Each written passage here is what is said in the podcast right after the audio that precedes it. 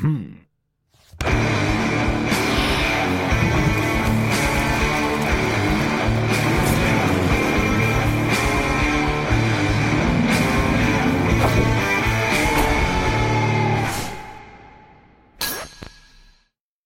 Dobrodošli u još jedan Agilast podcast, da uradimo prvo ovaj formalni deo pa da počnemo sa današnjim razgovorom. Dakle, pozdrav za a, naše prijatelje iz kompanije Red Bull koji nas podržavaju već nekoliko meseci. Hvala puno prijateljima iz kompanije Volt, u pitanju je kućna dostava, kao što verovatno do sada znate, ukoliko ne znate i prvi put nas slušate, to jest gledate.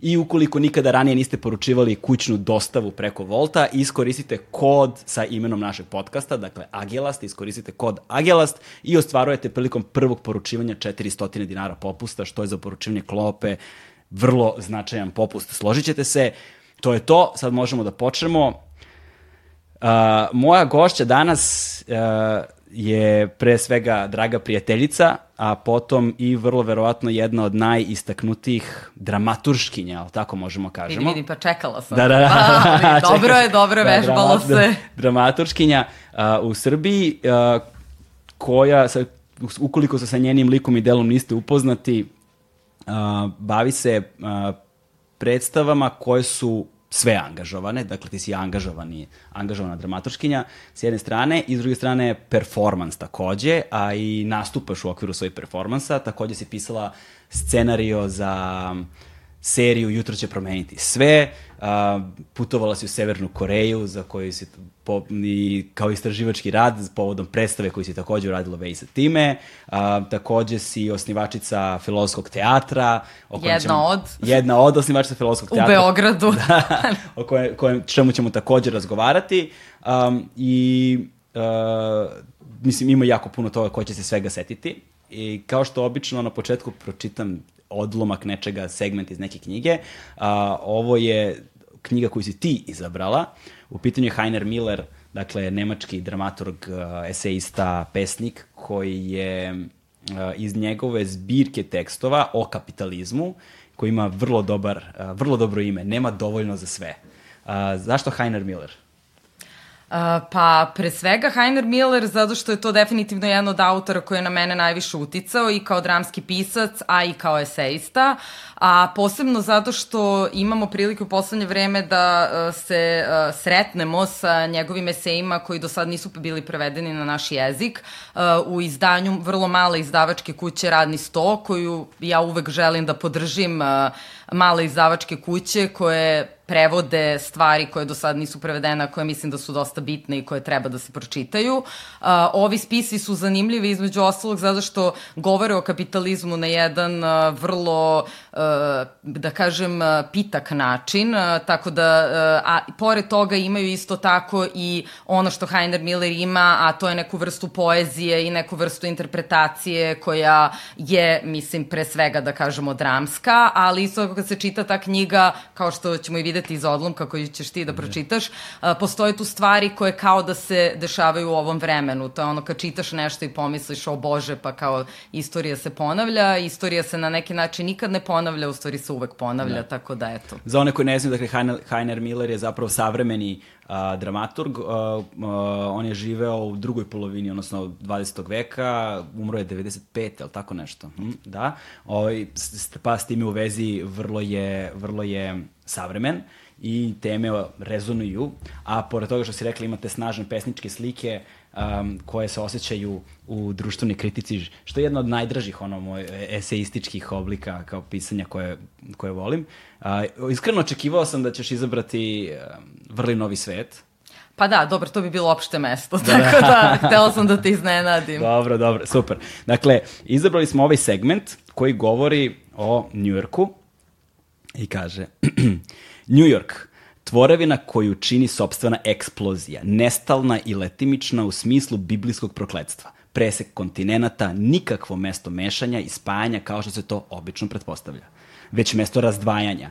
Elementi, rasne, klasne nacije, ostaju razdvojeni Little Italy, Chinatown, Lower East Side, Harlem.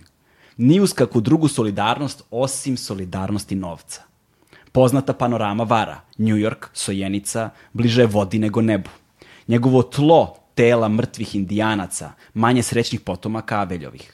Na građevinama rade poslednji irokezi, bez vrtoglavice, zahvaljujući puku i slučajnosti prirode. A tlo kad kad uzvrati.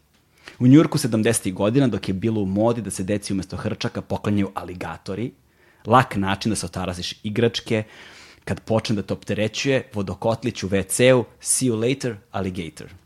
Radnici u kanalima, ispod grada, sve češće se nisu vraćali kući. S posla. Spasilačke jedinice su u otpadnim vodama kanalizacije pronalazili odrede odraslih aligatora. Bili su beli i slepi i siti.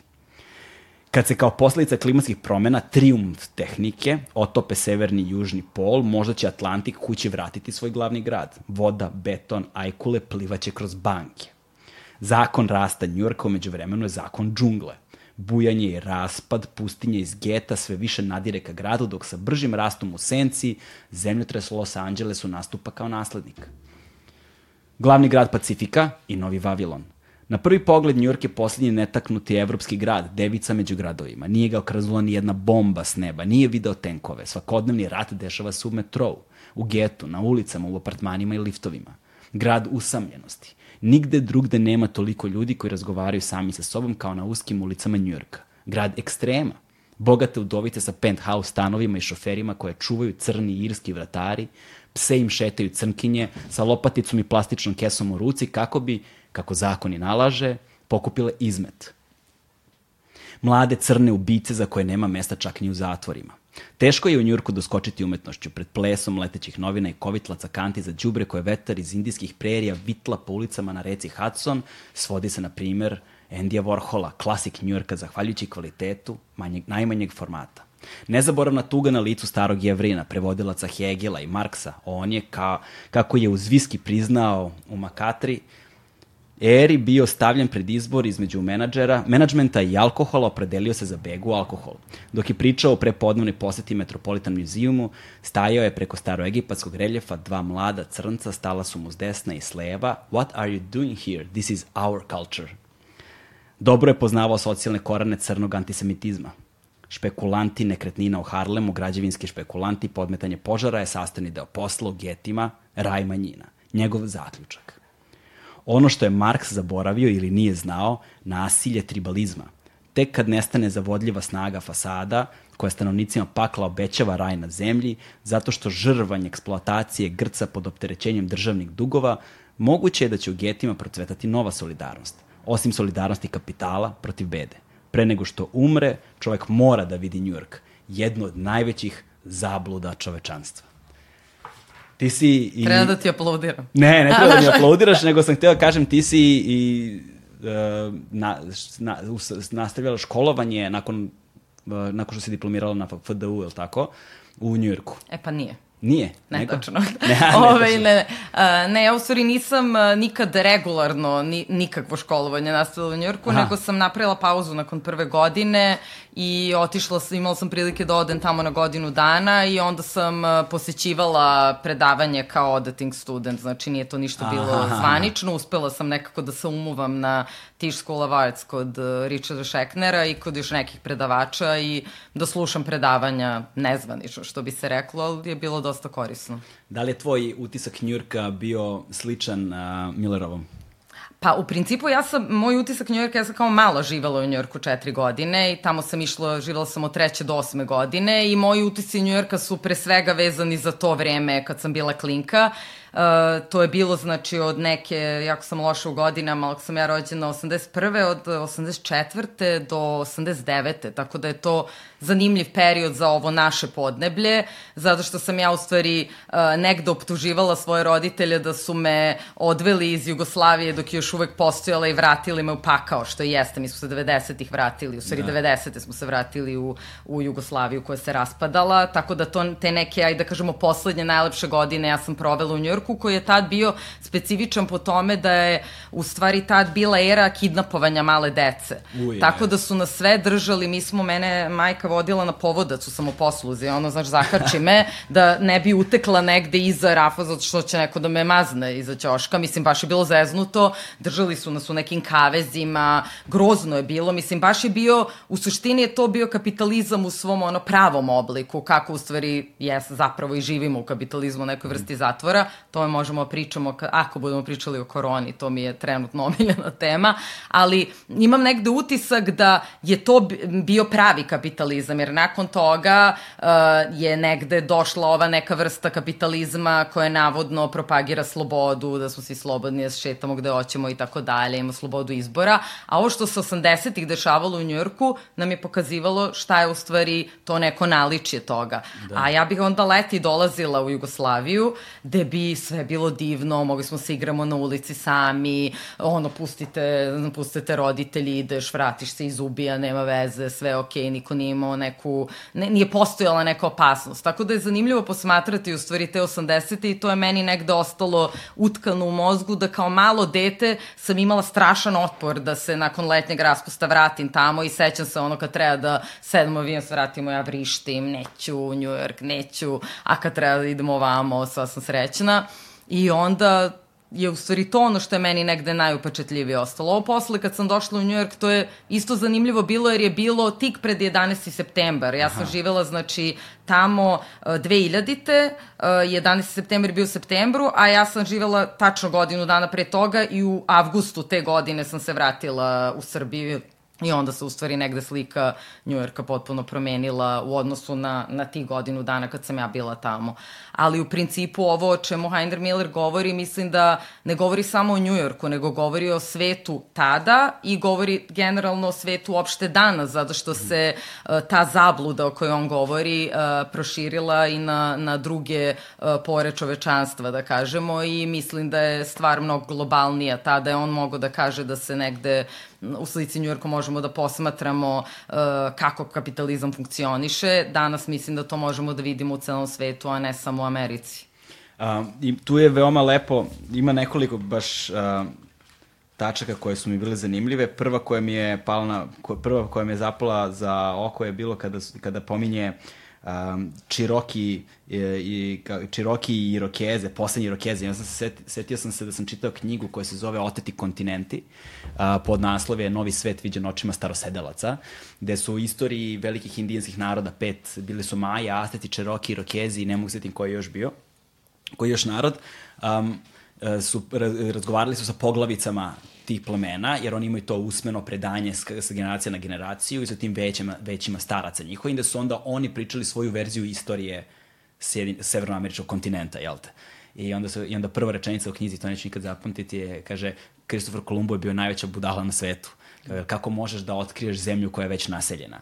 To pa bi da. bilo isto kada su mi seli u naše kanue i otkrili Veliku Britaniju. Pa jeste, ali to je u, u suštini, mislim, kad uh, upravo to o čemu ti pričaš, kad pogledamo uh, kako se to nastavilo u budućnosti, prvo, su, prvo je bilo po znacima navoda otkrivanje kontinenta, da. odnosno da. osvajanje, a onda je posle toga bilo podučavanje takođe, da, da. a to podučavanje se nastavilo posle i na Bliskom istoku i vidimo, mislim, ove neke, da kažemo, savremene reperkusije svega toga danas.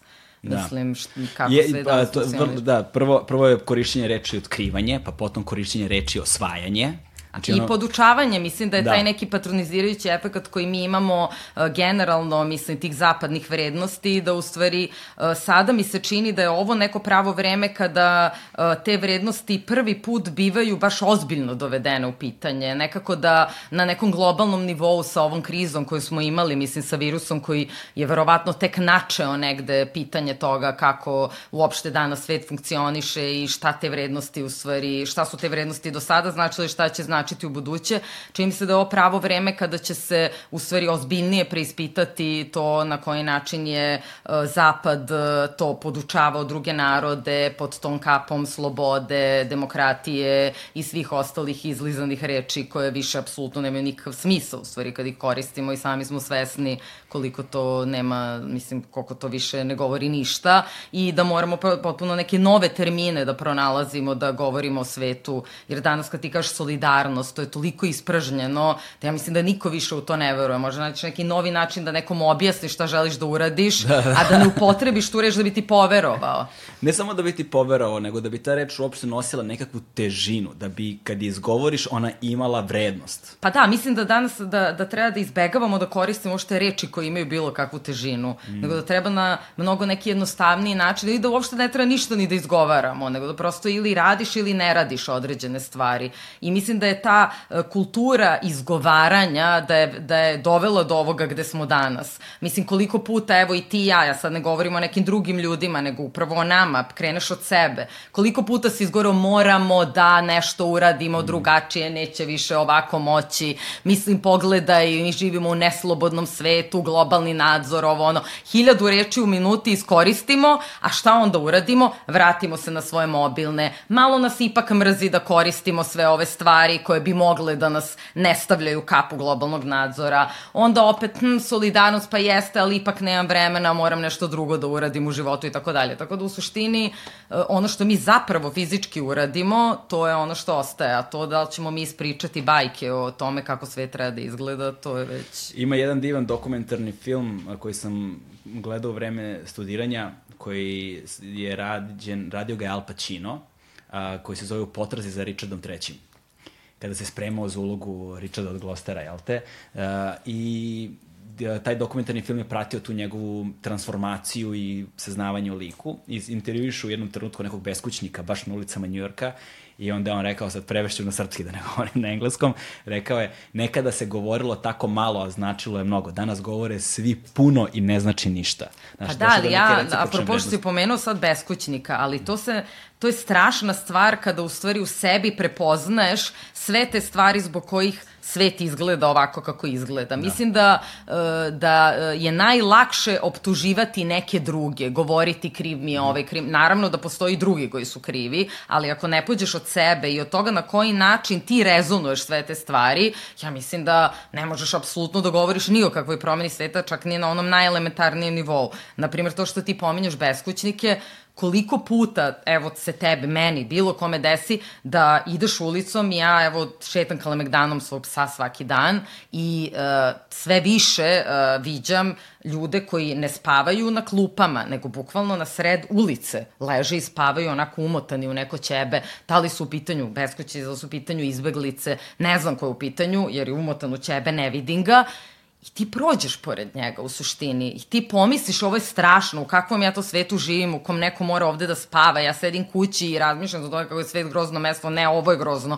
Mislim, a onda pomisli s jedne strane, šta sad da uradim, da priđem, da mu, da mu ostavim hiljadu dinara pored njega, znaš ono, bože, koliko si, da, da mu ostavim neku hranu i da ga probudim, pa onda, znaš, i onda pomisliš hiljadu nekih scenarija i u većini slučajeva ne uradiš apsolutno ništa. Mm. I što bi jedna moja prijateljica, uh, rediteljka Irena Ristić rekla, rekla, trenutak u kome ti ne odvedeš, a imaš kod kuće uslova i ne odvedeš beskućnika kome, koji spava na ulici, da spava na tvom kauču koji je prazan, ti ne možeš da govoriš o promeni sveta, jer ti odabereš da ipak svoj komfort zadržiš i da tog beskućnika ne dovedeš kod sebe kući, da, jer prosto ti ne želiš da on bude kod tebe kući. Da. Ne, mislim, ne bilo kod ti ne želiš. Mislim, Ali to je otvoreno za polemisanje. Zato što mislim da stvari nisu toliko jednostavne. Ja razumem princip o kojem govoriš, o kojem govori tvoja prijateljica, ali opet živimo u svetu koji je sad već sa toliko ogromnim tradicijama ono međuljudskih odnosa ustrojen na takav način da ti više ni ne znaš kome možeš da veruješ, na koji način možeš da veruješ, da li sebi možeš da veruješ, znaš, postoje sad, sad silne neke, sad postoje silne upletene neke niti Apsolutno, ali ti time što ne veruješ nikome i što u stvari si, uh, uh, rasteš u, u toj nekoj kulturi straha i paranoje od da. drugog, mislim, to nam je od hladnog rata usađeno. Da. To je ta, mislim, to je e, da postoji neki drugi neprijatelj koji je drugačiji od tebe i koji će da te, mislim, vjerojatno i mnogo pre hladnog rata, ali ajde da mi pamtimo da, je hladni rat tu negde naj, najbliži drži, to je da će da, da je to neko drugi koji može da te, šta da ti uradi, šta da te ubije, da te, mislim, prosto, i, i to je negde trenutak, to je taj rizik koji moramo svi da, da, ja ne kažem da ćemo, mislim, i hipsterska je pozicija da ti misliš da ti imaš što si tog beskućnika doveo kući, da ćeš nešto da promeniš sve daleko od toga, ali mislim da je jednostavno e, činjenica da ti to ne uradiš, govori o tome koliko mi kao mi koji govorimo o promeni sveta, zapravo uopšte nismo spremni da taj svet menjamo i zapravo uživamo u sobstvenim privilegijama, to o čemu ti da, govoriš. Da. Se, mi volimo kapitalizam. To je grozno, ali mi svi volimo. Mi kao levičari, mislim, ja kao sebe, kao negde kao uh, levičarku ovaj, tretiram, mislim, strašno je to i, i nekad kad to izgovorim, shvatim koliko to tek nema nikakve veze. Ja na neki način, zaista taj kapitalizam, ja u njemu živim, da. ja ga i čak i poštujem, jer ja se njemu povinujem svako jutro kad se probudim. I to je mnogo grozno kad pomisliš, a opet sa druge strane, odatle treba da kreneš i onda da vidiš šta dalje. Jer u suštini e, time što ćemo poricati da, e, da je to nešto što kao mi preziramo i tako dalje, mi možemo promeniti. Ne, ne možemo. U ovom trenutku očigledno ne možemo. Ja sam isto tako bila od onih koji za vreme korone u prva tri dana mislila evo ga gotovo je apokalipsa, hvala Bogu, sve će se menjati pred mojim očima. Koliko je to trajalo? Tri dana. Ma da, ništa. Tri dana je to trajalo. I opet sam se u svoje privilegije i ti i svako drugi. Da. Šta smo radili? Uživali kod kuće, govorili ja što je lepo. Ne razmišljali o tome da nekima nije lepo, da neki tamo ne mogu da ne uživaju tu privilegiju. I pričali čak o tome. Pa evo i ti, ja, ti si imao podcast, ja sam isto e, imala filozofski teatar, DMTV. Svi smo o tome pričali, a šta smo zapravo uradili, osim što da, smo pričali? Da. Malo toga. E, samo uzmi ovako malo i spusti niže da te lepo vidim ovde, za, za, Aha, za ruku. Ovo? I samo spusti, spusti, spusti, samo ga spustim Da ga dole. spustim? Da, da, da, e, tako, ovako. e, da te lepše vidim. E, da. dobro, dobro. To, to, to. Da, da. Zaklanja mi ova ruka od mikrofona sve vreme tvoje lice, pa mi smeta. Nema nikakvih. Um, to si, to si u pravu, ali opet postoji sad taj odnos nazovemo ga nužnosti i slobode. Dakle, taj kapitalizam, šta god pod njime sada podrazumevali da ne ulazimo, ovaj, da ne širimo previše tu priču, ali um, je nekako ta nužnost kojom smo opasani. I unutar te nužnosti mi možemo da izrazimo sobstvenu slobodu. Samo unutar... Ili ne možemo. Ili ne možemo. Ili ne možemo. Da. Tad doćemo i do pitanja slobode kojom da, se ti da. obsesivno baviš u svojim delima. Obsesivno, Inače, da, da, ali obsesivno. obsesivno. obsesivno. pa, zanimljivo mi je, ali doći ćemo do toga pa ćemo da govoriti. Da, da. Ovaj, posebno kada budemo govorili o tvom filozofskom teatru. Ali, dakle, dakle da, na svoju slobodu možeš ili ne možeš da izraziš samo unutar sobstvenih nužnosti. Nužnosti su nužnosti zbog toga što ne mogu da se, na njih ne možeš da utičeš i ne mogu da se promene. Pa nije istina. Pa sad, zavisi šta, znaš, ne možeš da dišeš pod vodom. Znaš, to je jednaka vrsta nužnosti. Znaš, dobro, možeš... dobro, da, sad si ti otišao daleko, Ali, da, znaš, ako ti neko nivou, zapuši usta i nos, da, umrećeš ne, sigurno, go, znači. Znači, govorimo na nivou principa, A, prosto principa, dobro, dobro. kao ideje. Znači, i sada stvari, stvari o tome da na mnogo načina kapitalizam vrlo verovatno jeste neka forma nužnosti koju sad mi i da bismo mogli da se nađemo u poziciji da je promenimo, tu stvarnost da je promenimo, mi moramo prvo da je naučimo.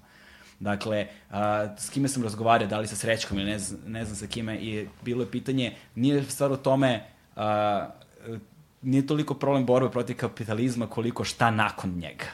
Pa naravno, Znaš, pa apsolutno, je... ali to je upravo to o čemu ti pričam. Šta da. nakon njega? To isto ko kad ono, da, daj da svrgnemo ovog ili onog, mislim, diktatora, ali šta nakon njega? Mislim, o tome se radi, što mi i dalje ne znamo koji je to sistem koji će ovaj sistem da zameni, niti znamo kako će do te promene doći. Da. To je, to je naj, najelementarnija stvar. I onda se osjećamo kao nekom, ono što Žiža kaže, e, svetlo na kraju tunela, vidimo, a to je zapravo voz koji nam ide u susret to jeste, mislim, to je činjenica da mi s jedne strane priželjkujemo tu neku bu novu budućnost, a sa druge strane smo svesni da možda će to biti taj voz koji će nas sve pregaziti, pa će onda morati iz nule da se krene, ko zna, mislim.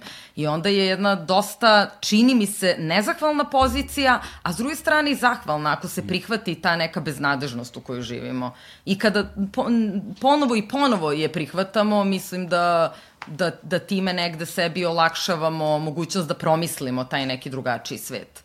E pa to je sad, znaš, kako jer sve te, svi ti neki elementi, sve te nevidljive niti, svih tih neprebrojivo mnogo elemenata koji su utkani u naše identitete.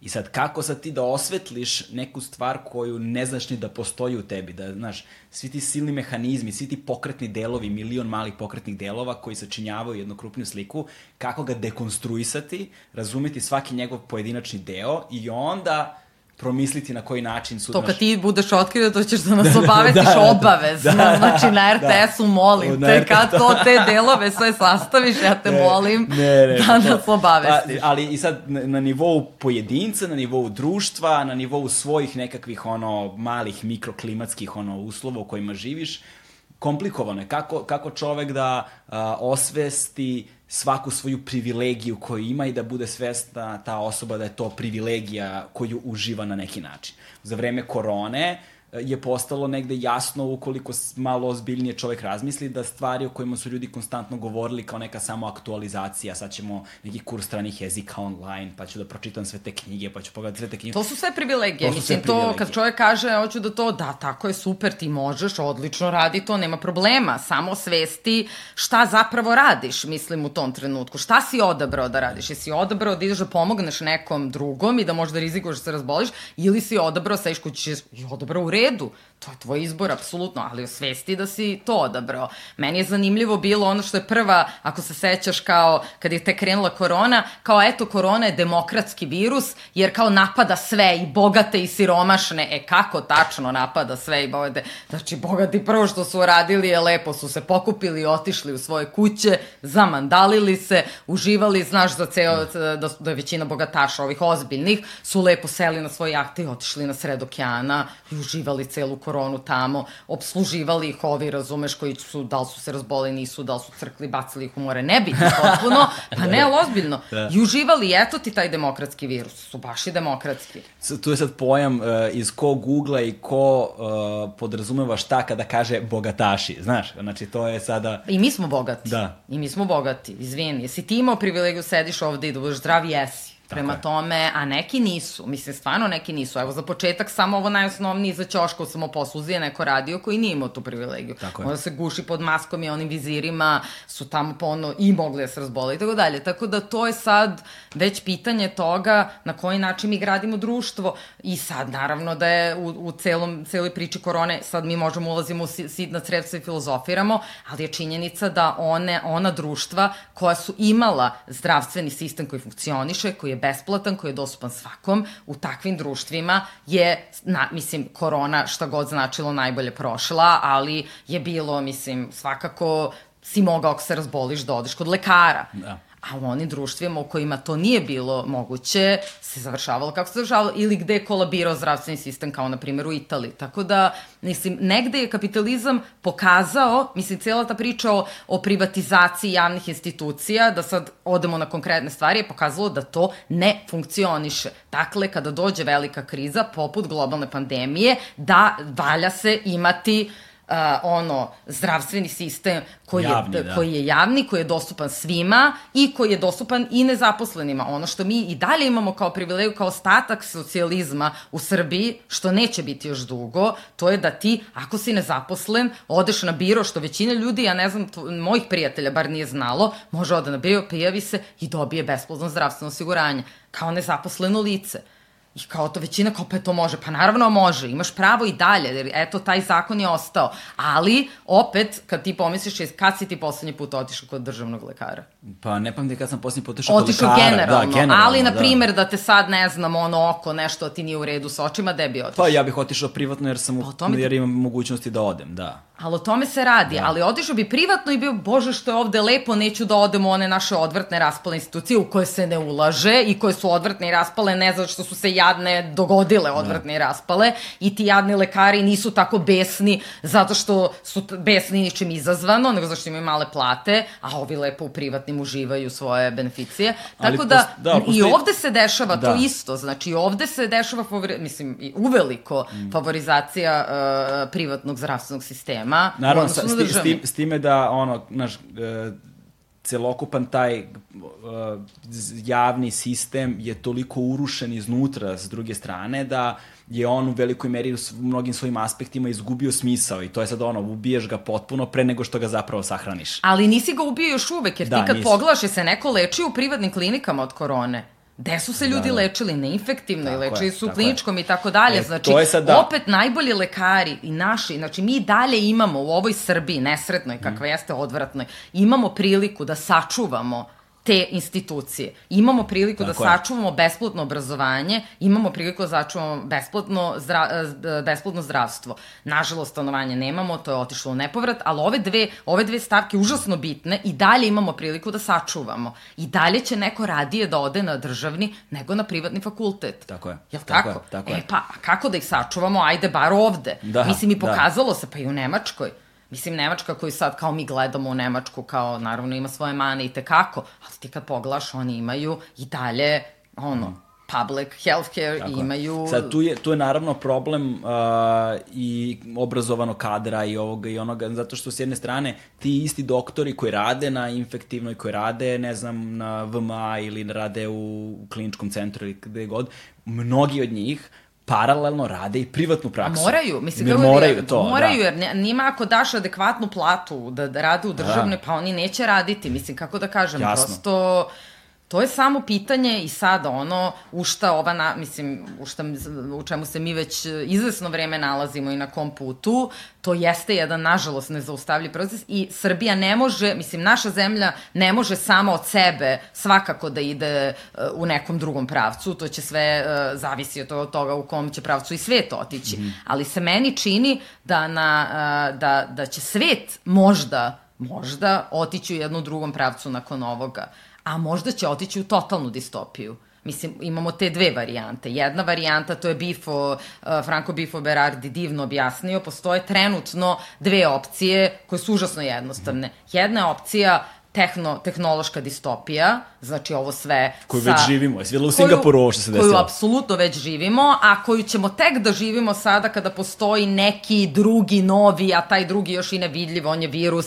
mi moramo nekako da se zaštitimo, u našim telefonima će biti specijalne aplikacije da ne možemo da budemo na dva metra. Uh, ja sam bila u Kini, znam kako izgleda kineski aerodrom, tamo već uveliko ti mere temperature, prolaziš kroz ono ako imaš temperaturu karantin, to je bilo pre da. 2016 ne sada, do svih tih mogućih, do čipova na kraju Jesi balade. Jesi videla Singapur? Šta se u Singapuru desilo? Imaju, imaju robotizovane patrole. Znači imaju a, robot oni, patrole. A videla sam onaj pas što ide pa ti govori da, na... Da, videla ti... sam što ti prilazi i govori da se distanciraš. Da, i tako da, da. Dobro, sad to je, to je čak i, kako da kažem, fizički nije, nije u tebi. Ali to je zato što je paska. Da, jer je pas, pas je, ali ući će i u tebe. Mislim, da. kako da kažem, tako da to sve znamo, mislim, to je sve ne, neka naša realnost. To je sad jedna, a opcija B, ova tehnologija će svako ostati, opcija neka B koja je neka utopijska varijanta u koju svi najmanje verujemo, je da shvatimo koliko zapravo nam je korona pokazala koje stvari nam nisu neophodne u životu. Da. Kao, na primer,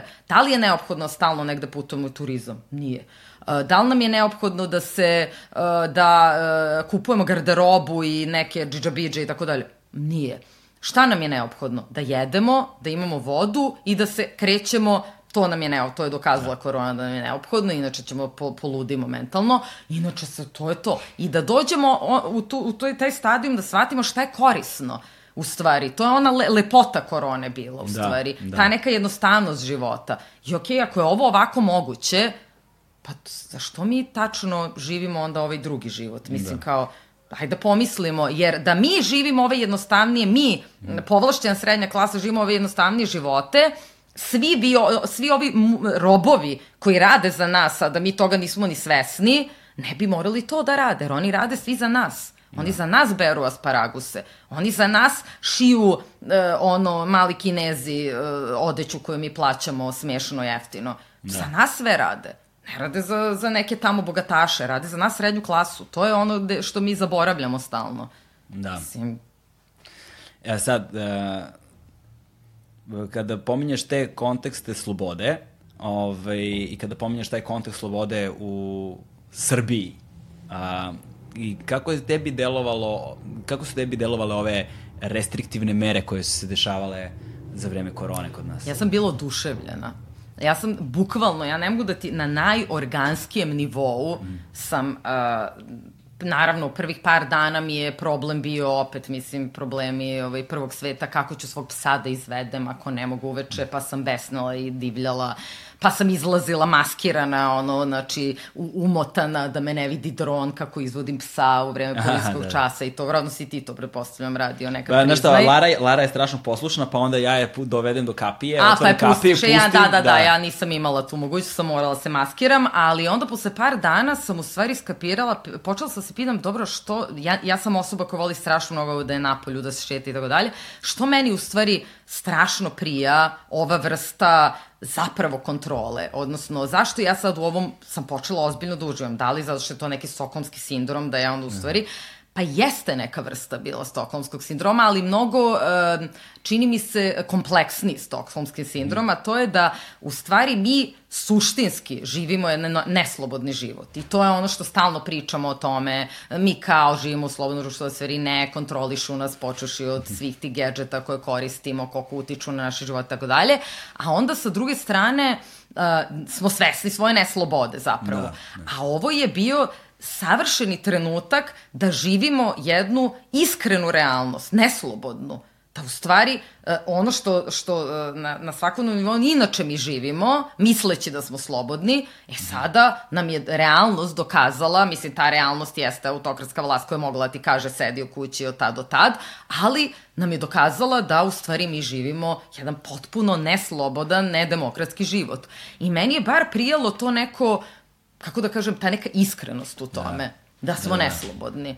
Što se, što se nekako razgolitio taj sistem da, i prikazao potpuno, se. Tako ono, je, i da, go, car, car je go. go i da. ti si ti pristaješ na to. Da. U stvari, nekako mislim da je, da je, da je taj pristanak u stvari toga da, da živiš ono tu ovaj, vrstu neslobode je meni bila oslobađajuća. Mm. I onda se sećam kad eh, je kao se korona završila, ja sam bila u strašnoj depresiji danima, nisam promogla ljuda podnesem, grozno mi je to sve bilo. I onda izađem na ulicu i sretnem sad neke te razne ljude koje nisam dugo videla i oni kao, a pa evo, ovaj, sloboda, i ja kao da, da, sloboda i gledamo se i svesni smo koliko je ironično to što smo izgovorili. I da. je, mislim, znači, izgovaramo sloboda, užasno smo, od, vidim tačno taj, taj ono, tu, tu mizantropiju s obe strane, razumeš, da niko tu nije srećan što je izašao i što se vratio u tu takozvanu realnost, normalnost, kako bismo je zvali, da. novu da. normalnost, staru, kako nikome, god. Nikome zapravo od ljudi koji su bili primorani da rade od kuće pod znacima navoda, ovaj, ne nedostaju čari poznog kapitalizma, ono sa odlaskom na posao i tako dalje. A nije čak obe... ni to, ali nije čak ni odlazak na posao, jer mi smo imali i tada nekako ustrojstvo, znači možeš se provodiš tad pa da vodiš računa, da, da ideš u prodavnicu jer posle nećeš moći, pa kad uđeš onda moraš da smisliš šta ćeš radiš od, ne znam, 6 do 8, pa kako ćeš napolje da ideš nebitno. Opet si imao ti užasno jasan raspored kod da ideš na neki posao. Da. Nije meni to bio problem. Meni je trenutno mnogo veći problem slo, slobodno vreme koje da ti kao imaš. Da. A ovo je u stvari, mislim, kad budemo pričali, kad, kad Ajde, budemo žela pričamo... Ne, sad, ne, sad, sad ćemo, da. Sad, sad je taj trenutak. Sad je taj trenutak, ne, definitivno. A, pa ne, apropo Severne Koreje, zato što da. um, kad ideš u Severnu Koreju, prvo što ti kažu... Samo se, samo a, se, ne, samo se, samo se zaustavi da, da, bismo, da. da bismo dali ljudi kontekst, pre svega. A, a, kada govorimo o slobodi, ono što i kada govorimo o Severnoj Koreji i tako dalje, jedna stvar koja mi je baš lepo bila prikazana ovaj, kroz rad te, te, tvoj rad i Olgin, um, je taj sistem ogledala da je uvek pitanje iz ko posmatra, iz kog ugla i ko priča priču, ko gradi narativ u odnosu na koji mi posmatramo šta jeste ili šta nije. Ovaj, ali da bismo došli do toga, hajde da prvo da kažemo ovako, uh, Olga Dimitrijević i ti ste 2000 15, 16. 2016. godine otputovale u Severnu Koreju. Da, dakle, što zvuči wow, ali može bilo ko. To je jako e, bitno da krenemo za, od toga. Zato, zato je važno. Hajde da počnemo tu priču ono abovo, iz početka. Da, da. Dakle, kako se sve to desilo i svaki korak uh, tog ono iskustva mi ispričaj uh, zato što sam siguran da ljude to zanima, jer koliko ljudi znamo koji su putovali u Severnu Koreju. Iz Severnu da. Koreju pritom znamo samo ono vrlo sužen spektar informacija koji dobijamo opet kroz određene medije koji ko zna šta i na koji način nam plasiraju. Pa da, e, pa u suštini, uh, Olga i ja smo slučajno, nešto smo sedele ne, negde, ne sećam se više nigde i palo nam je na pamet, uh, ne, neki je bio Kim Jong-unov govor u parlamentu i dozvoljili kao, jao, kako bilo super da odemo u Severnu Koreju, I od tog trenutka do ići ćemo u Severnu Koreju je bukvalno dva dana proteklo, zašto otišli da googlamo i kao pa mi možemo da odemo u Severnu Koreju najjednostavnije, samo nam trebaju pare, ništa drugo. Jer u suštini postoje turističke agencije koje te vode najregularnije, što većina ljudi ne zna, vjerojatno ne padne na pamet, jer se u medijima plasira informacija da je to najzatvorenija zemlja u kojoj ne može niko da uđe i ako uđe, bit će mrtav i ne znam, u gulagu će da završi i tako dalje. Ništa od toga nije tačno. Dakle, to je jedno najobičnije turističko putovanje koje ono po čemu je specifično je da ideš u zemlju koja ima taj sistem koji ima, koji funkcioniše tako kako funkcioniše, dobijaš pravila igre koje dobiješ u ostalom kad ideš u bilo koju zemlju, kako da, gde god da ideš ti dobiješ onaj itinerar da ti piše to i to ćeš raditi tad i tad. Ono što je razlika između Severne Koreje i nekog drugog turističkog putovanja je što kad odeš tamo, oni ti jasno daju do znanja da ne postoji sloboda kretanja i to je ono gde se sad svima digne kosa na glavi kako ću ja da se ne krećem slobodno, šta to znači da neću moći da pričam ni sa kim na ulici i tako dalje opet s druge strane neki ljudi koji su imali iskustva ovih da kažemo ono e, istočnoevropskih totalitarnih režima znaju da je to postojalo i ovde istočnom bloka da u istočnom bloku tako je da to nije ništa opet nespecifično ali ono što je nama bilo najzanimljivije bilo to taj moment kad smo pošto ti kad odeš, mislim ti u principu se prijaviš dakle na taj sajt, onda ti oni sajt? objasne Uh, mi, postoje dve agencije, jedna se zove Young Pioneers, tu smo mi bili, a druga je Corio Tours. Ova jedna je skuplja, druga je jeftinija. Koliko košta, kojim parama govorimo? Pa govorimo o parama, nije ni nešto mnogo strašno, znači mi smo put, uh, tebi je znači sve uključeno u aranžman, jer ti tamo ne možeš da jedeš nigde van toga što ti oni daju, dakle sve ti je obezbeđeno, svi ulazci u muzeje, sve i svi autobusi, svi prevozi, sva spavanja, de god, hoteli, sve, sve, sve. Dakle ti ideš tamo, ono, neku vrstu all inclusiva. Oko 100 evra je dan. Oko 100 evra je dan. Oko 100 evra je dan. Mi smo bili 10 dana i to je nešto bilo oko 1000 evra. Mm -hmm. I tu ti je uključeni put iz Pekinga do, do ove Pyongyanga. Možda biraš da li ješ vozom ili avionom, pa je avionom malo skuplji nego vozom. Dobro, dakle vi ste letele iz Beograda za... Do Pekinga, za da, Pekinga. to moraš sam da obezbediš. Ti dolaziš u Peking, nalaziš se sa svojim vodičima, pošto mm -hmm. u suštini postoji britanski vodiči te dočekuju tamo I postoje znači ture za zapadnoevropske turiste i ture za Ruse i Kineze. Rusi i Kinezi svoj, svoju imaju varijantu, mnogo verovatno i opušteniju nego mi, a mi imamo ovu našu i naša je ograničenija, mislim manje je turista iz, iz zapadne Evrope, Amerike. Koliko vas je bilo? Uh, pa nas je bilo u ovoj grupi nekih, čini mi se, Nije nas bilo manje, ma, nešto malo manje od 20. Mm -hmm. Ali imaš sad ti kad imaš para, onda možeš i ove ture sa manje ljudi, ima sad da, razne da, da, opcije. U suštini to je dosta, kako kažem, mislim, da možeš ti i dvoje ljudi ako imaš da, para. Da, da, jasno, mislim, jasno, onda imaš jasno. Poenta priče je da imaš svog jednog vodiča britanskog koji govori jezik i tamo te dočekuju severnokorejski u Pyongyangu mm -hmm. i onda ti imaš u stvari troje vodiča. E vi koliko treba, koliko treba ste autobusem išla? Ne, uh, išli smo transsibirskom železnicom. Wow, da. da to da, mi je da. inače jedno od životnih želja da idem Moskva Vladivostok. Nije ti, nije ti, veruj mi, nije ti životna želja, to ne, nemoj reći dva puta. Da, ovaj. dobro. Uh, to traje, znači, od Pekinga do Pyongyang 27 sati. 27 sati. Dosta je strašno, da, da, da. Uspeli smo i da se otrujemo, pošto samo Olga i ja možemo da jedemo jaja pržena u vozu Transsibirskoj železnici. Mislim da to sam, to treba jako da se inteligent, visoko inteligentno da jedeš pržena jaja. Znači, dakle, jednako salmonela, jednako sigurno ćeš se otrovati, znači, da. 100%. I šta se, otrovali ste se? Otrovale, strašno je bilo, ja sam mislila da Olgu, to je stvarno bio problem, zašto smo se mi otrovale na, kad smo se vraćale. Lako bi bilo smo se otrovale ka tamo, nego smo se otrovale u povratku i trebalo je da letimo iz Pekinga. A tamo stvarno imaš one, što će sad biti svugde, ovi, ove što da. prolaziš da te detektuju da li si bolestan. Uh, a e, ja sam dobila prva trovanja, iskočila mi temperatura, bilo je strašno, a Olga je nakon mene dobila, ja sam se bojala, pošto ona imala temperaturu, bilo užasno loše i bili smo na aerodromu, se vraćamo nazad da će da je zadrže, mm -hmm. jer je ono bila gorela od temperature, strašno je bilo. Mislim, Dobro, i na, nakon, nakon 27 sati vozom uh, do Severne Koreje, kako se zove granični prelaz, da znaš ili ne znam? Ajde sad, da. to je Dobro, nema veze, zanima me gde ste, da, da. da. Dang Dong, mislim da se, da se zove grad, uh, koji je u stvari granični grad između Kine i... Pa izgleda kao neki ma, omanji raspali kineski grad, mm -hmm. uh, koji je u stvari uh, delih reka, i tu je most i ti u stvari dođeš vozom do, do kao te železničke stanice, tu nešto sad izađeš, malo se promuvaš, već izgleda kao Severna Koreja, pošto je to, mislim, ono, graničan je grad. I tu uh, se ukrcaš u sledeći voz koji je za Severnu Koreju i tu u stvari shvatiš koliko zapravo postoji cirkulacija ljudi između Kine i Severne Koreje, jer gomila severnih koreanaca sa be beđevima ovog uh, Kim Jong-una, Kim Il-sunga i Kim yeah. Da. Jong-ila sa svojim nekim čudima koje su iz Kine. Iako su tad već sankcije uveliko bile, pa kao ne, ne sme da se, ne, ne postoji komunikacija, malo sutra postoji to, oni sve ispod tezge Da, da. se šetaju tamo vamo, postoji ogromna pomoć između Kine i Severne Koreje, ništa, onda se ukrcavaš tu i onda su sad to te procedure da moraš sve, kompjuter, e, fotoaparat, sve, sve, sve tehnološke, čak i ove USB-ove, sve,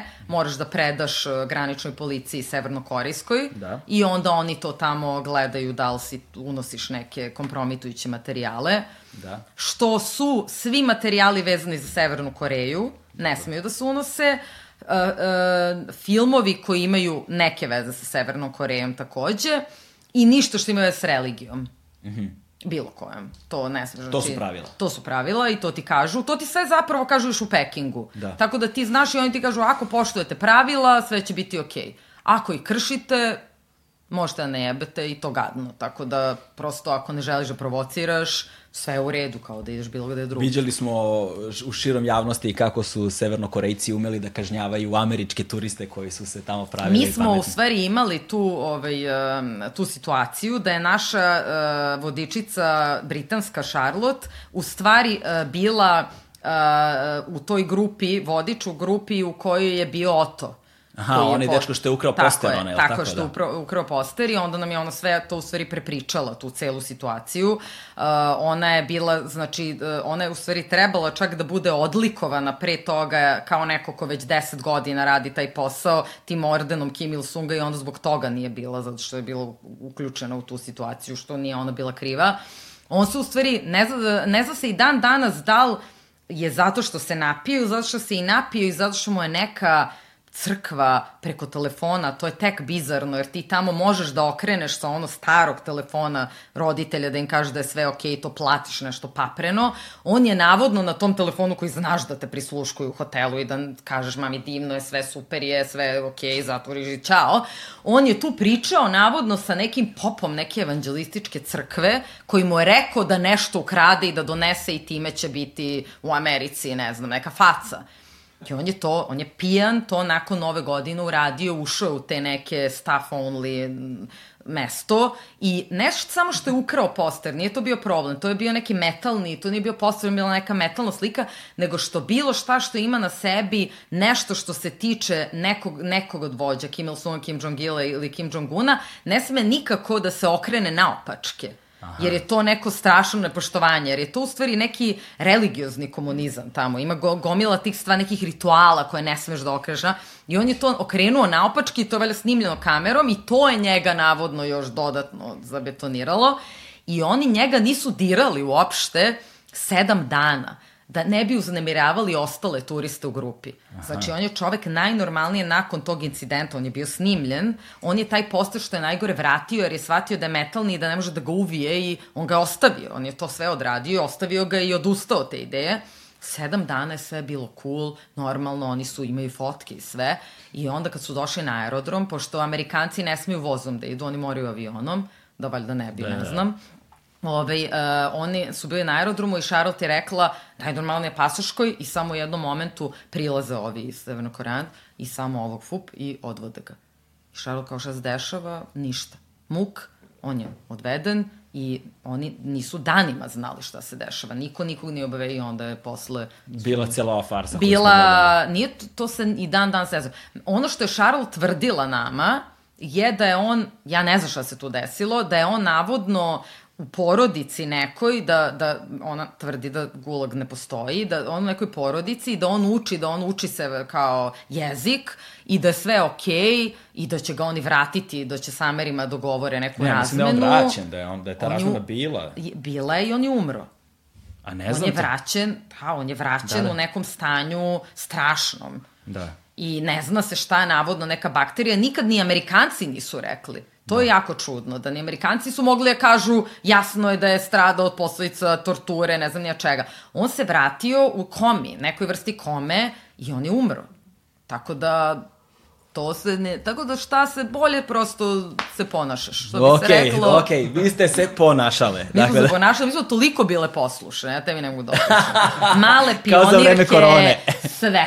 Znači prave i još smo iz Jugoslavije, Tito. Iron, da li znaju? Pitam, ne znam. Nemoj da me zezaš. Pa izvini, pa najveće i najozbiljnije posete uh, Ki, uh, Kim Il-sunga su bile Jugoslaviji obrnuto. Mislim, to su stvarno bile ozbiljne posete i oni i dalje smatraju da je, da je uh, Tito jedan od najvećih ono, vladara svetskih i kad smo ih pitali za našu, pa smo ih pitali kao, pa znate šta su među vremenu desilo? Oni kažu da, da, da znam ovaj, uh, ovog poslednjeg predsednika su vam ubili Miloševića u Hagu i sad imate ove liberale koji vam uništavaju i došao kapitalizam i sad ste, čao.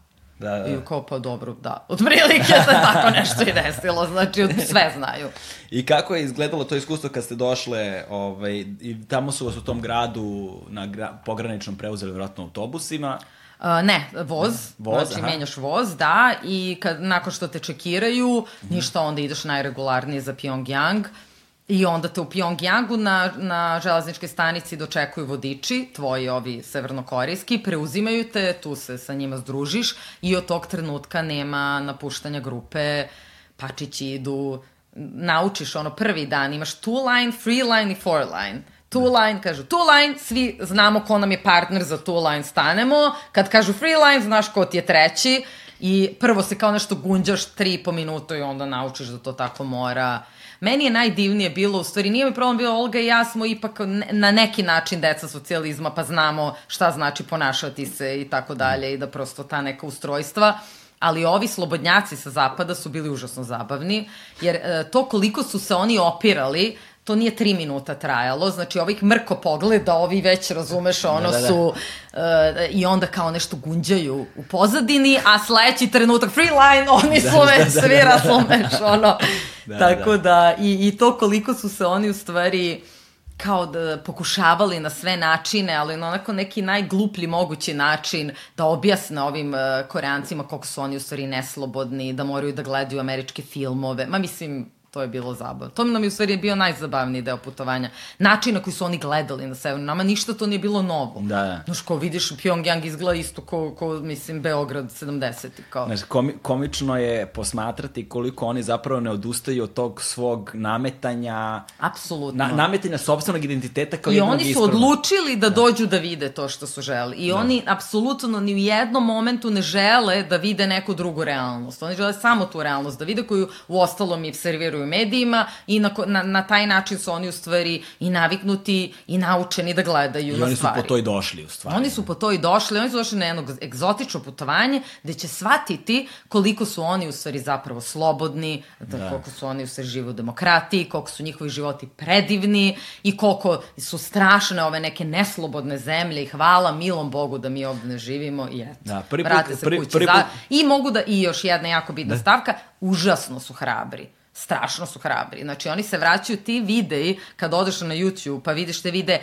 kao kak, kakvim se oni opasnostima izlažu, kakva crna opasnost. Nikad u životu zaštićenija ja bila nisam. Nije mogla dlaka s glave da mi otpadne. Hranete, vodete svuda, tetošete, gledaju da spavaš dovoljni broj sati. Ti si nasmejan, odmoran, nemaš, ovaj, e, nemaš ove mobilne, to ti ništa ne funkcioniše onog momenta kad dođeš u Severnu Koreju, sve se gase, mislim, oni imaju intranet, nemaju internet, to je ćao. Dakle, uživaš, to je toliko bilo božanstveno, isto ko za vreme korone, Da, mislim, da. tako sam se u stvari osjećala, tako da korona, Severna Koreja, što se mene tiče, A Ti si, ti si zapravo najanalognija osoba koju poznajem u svom ono iole bližem okruženju, jer ti kao niti smartfonovi, niti ništa, s tobom komuniciram kao u pećinskom dobu, čoveče. Imam znaš. sad malo varam, imam jedan smartfon, ali on ima u sebi karticu s trafike i uvek je isključen. I uključim ga samo jer treba mi kao ne povremeno, znaš, nešto da odgovorim neki mail ako ceo dan nisam kod kuće i tako. Malo sam poklekla, ali dalje. Mali crni je glavni. Ovaj. da, da, onaj. Dilerski je broj jedan i outsourcovana sam na više adresa, komplikujem sebi život na najstrašniji mogući način. Imam nekoliko, imam Telegram na jednom, Telegram drugi totalno na drugom, na trećem odgovaram na SMS-ove, a na ovom sam na Viberu, a na ovom nis, mislim i tako. Da, haos. Uh, prvi put sam se zapravo susreo ozbiljnije sa tom temom uh, ne samo kolonijalizma, nego već i te kao nazovimo ono zapadnocentričnosti neke, jeste kada sam ozbiljnije čitao Robinsona Crusoa, ovaj, i Defoovog zapravo Robinsona kada sam čitao i kada smo se bavili tim tumačenjem koliko je zapravo taj, znači odlazi jedan zapadnjak, hrišćanin, jel te, englez, on na neko mesto gde on otkriva, sad opet to otkriva, Da, da, da. jel te, a, nekog primitivnog crnca, kome daje ime Petko, i sad on njega izvlači iz te primitivnosti, kako? Tako što njega uči savremenim tekovinama civilizacije. I zapravo ceo taj Uh, ceo, ceo taj roman govori o celom tom kolonijalističkom principu. Apsolutno, koji je užasno jednostavan. Uvodi ekonomski sistem Tako je. evropski, uvodi ratarski sistem, njega uči engleskom jeziku, uči ga, a, to je tad bilo pro, protestantizmu, odnosno čita mu Bibliju, da on njega civilizuje. Što se podrazumeva da ukoliko nisi to, ti nisi civilizovan. To, to je recimo bila neka prva ulazna tačka gde sam kao počeo da razmišljam o tome i sad je, kako se uključila ta lampica, od tad više ne mogu da je isključim uopšte, znaš. Pa da, O- i u stvari, na primjer, Južna Koreja, Da. da. koja je, mislim, znamo totalno, ako postoji sušta suprotno Severne Koreje, to je Južna Koreja, što je jako zanimljivo, jer ono se gledaju. Uh, oni su i dalje u ratu, inače, i da nije nikad potpisano primjer između te dve zemlje, tako da ti u stvari kad ideš na tu demilitarizovanu zonu, to i dalje neka vrsta ratne zone, ali ono što je zanimljivo da svi ovi što su pobegli, izbegli iz Severne Koreje u Južnu Koreju, ima naravno takvih, uh, moraju da prođu upravo to o čemu ti pričaš, postoji taj Hanovan centar i to kad googlaš isto ima dokumentaraca o tome, gde oni njih uče kako da budu normalni građani da bi mogli da se uključe u tekovine slobodnog društva i tako dalje. I onda ih vode u taj centar koji izgleda strašno, izgleda kao neki najstrašniji zatvor, da ih tu drže, uče i kako treba čovjek da se ponaša u slobodi i tako dalje. I sad ti vidiš njih uče kao mala škola demokratije, što smo i mi ovde u Srbiji učili, mislim, Da, da, da. 2000-ih, školu, školicu demokratije, deca u pelenama, što bi rekao Buden, i onda sledeća slika, nakon što su izašli iz tog Hanovan centra, je idu u shopping. I onda oni su njih u stvari naučili da postanu uh, ono, Konzumeristi. tako je. Znači nije sledeća slika, ne znam, ono, rade, ne, nego idu direkt u shopping i onda gledaš 15 minuta, njih kako magnito idu ulicama i kupuju ono, jer zapravo šta je najosnovnija stvar, ti u Severnoj Koreji nemaš tu mogućnost. Da. Tamo i dalje sve, ko kod nas u socijalizmu, ono što ti treba, to imaš, tamo nema reklama na ulicama uopšte, tamo imaš ogromne bilborde i u stvari svi misle da su ti bilbordi propagandni, ali nisu, jer veliki deo bilborda u Pyongyangu ima naravno i ovi gde su vođe, ali oni su čak manji deo, u stvari vrlo mali deo, ima povremeno ove poruke, neke mi smo najslobodniji i tako dalje.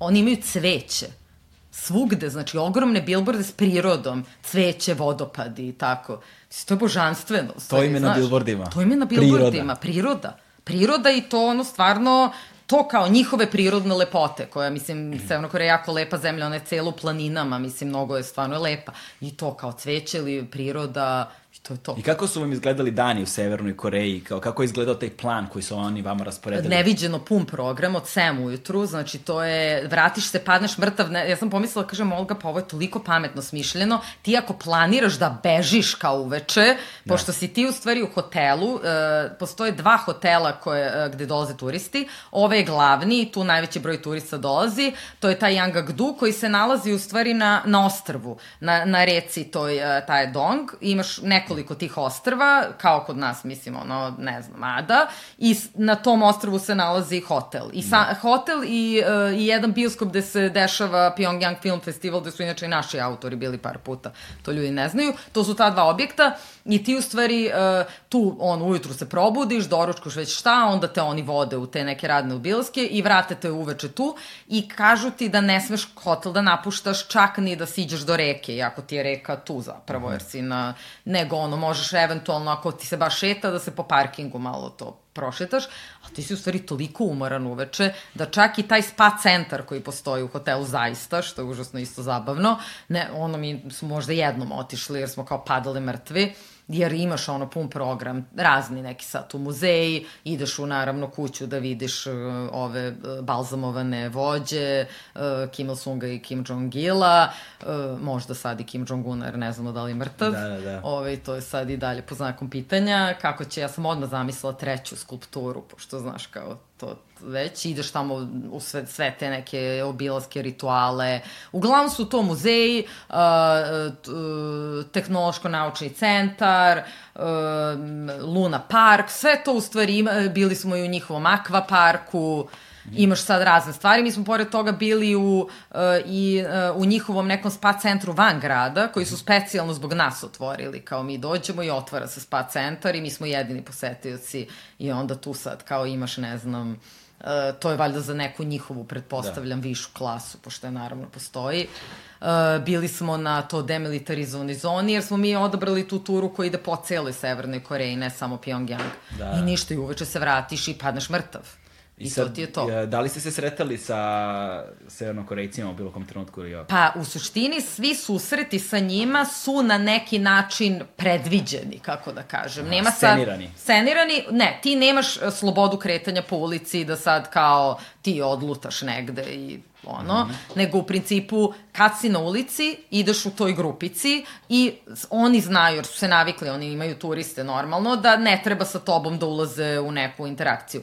A onda kad je planirana interakcija, kao na primjer što su nas vodili u pivnicu, prave najbolje pivo na svetu, genijalno potpuno pivo prave, domaće, kad su nas vodili u tu pivnicu, da inače svaki, to je isto pošto je dosta ovaj patrijarhalno društvo što im je ostalo od pre komunizma, svaki odrasli zaposleni, a to je svaki, muški član porodice ima pravo na besplatnih, valjda 5 ili 10 litara tog piva i onda oni mogu da idu da piju za džabe pivo i on su nas tamo vodili i tu smo mogli da uđemo u interakciju. Aha. Mislim, bilo je jasno da su tu neki ljudi koji su planirali da mi dođemo, ne sad da. kao neki random što su zatekli i neviđeno su bili friendly, pa smo s njima pevali, tako, pili pivo.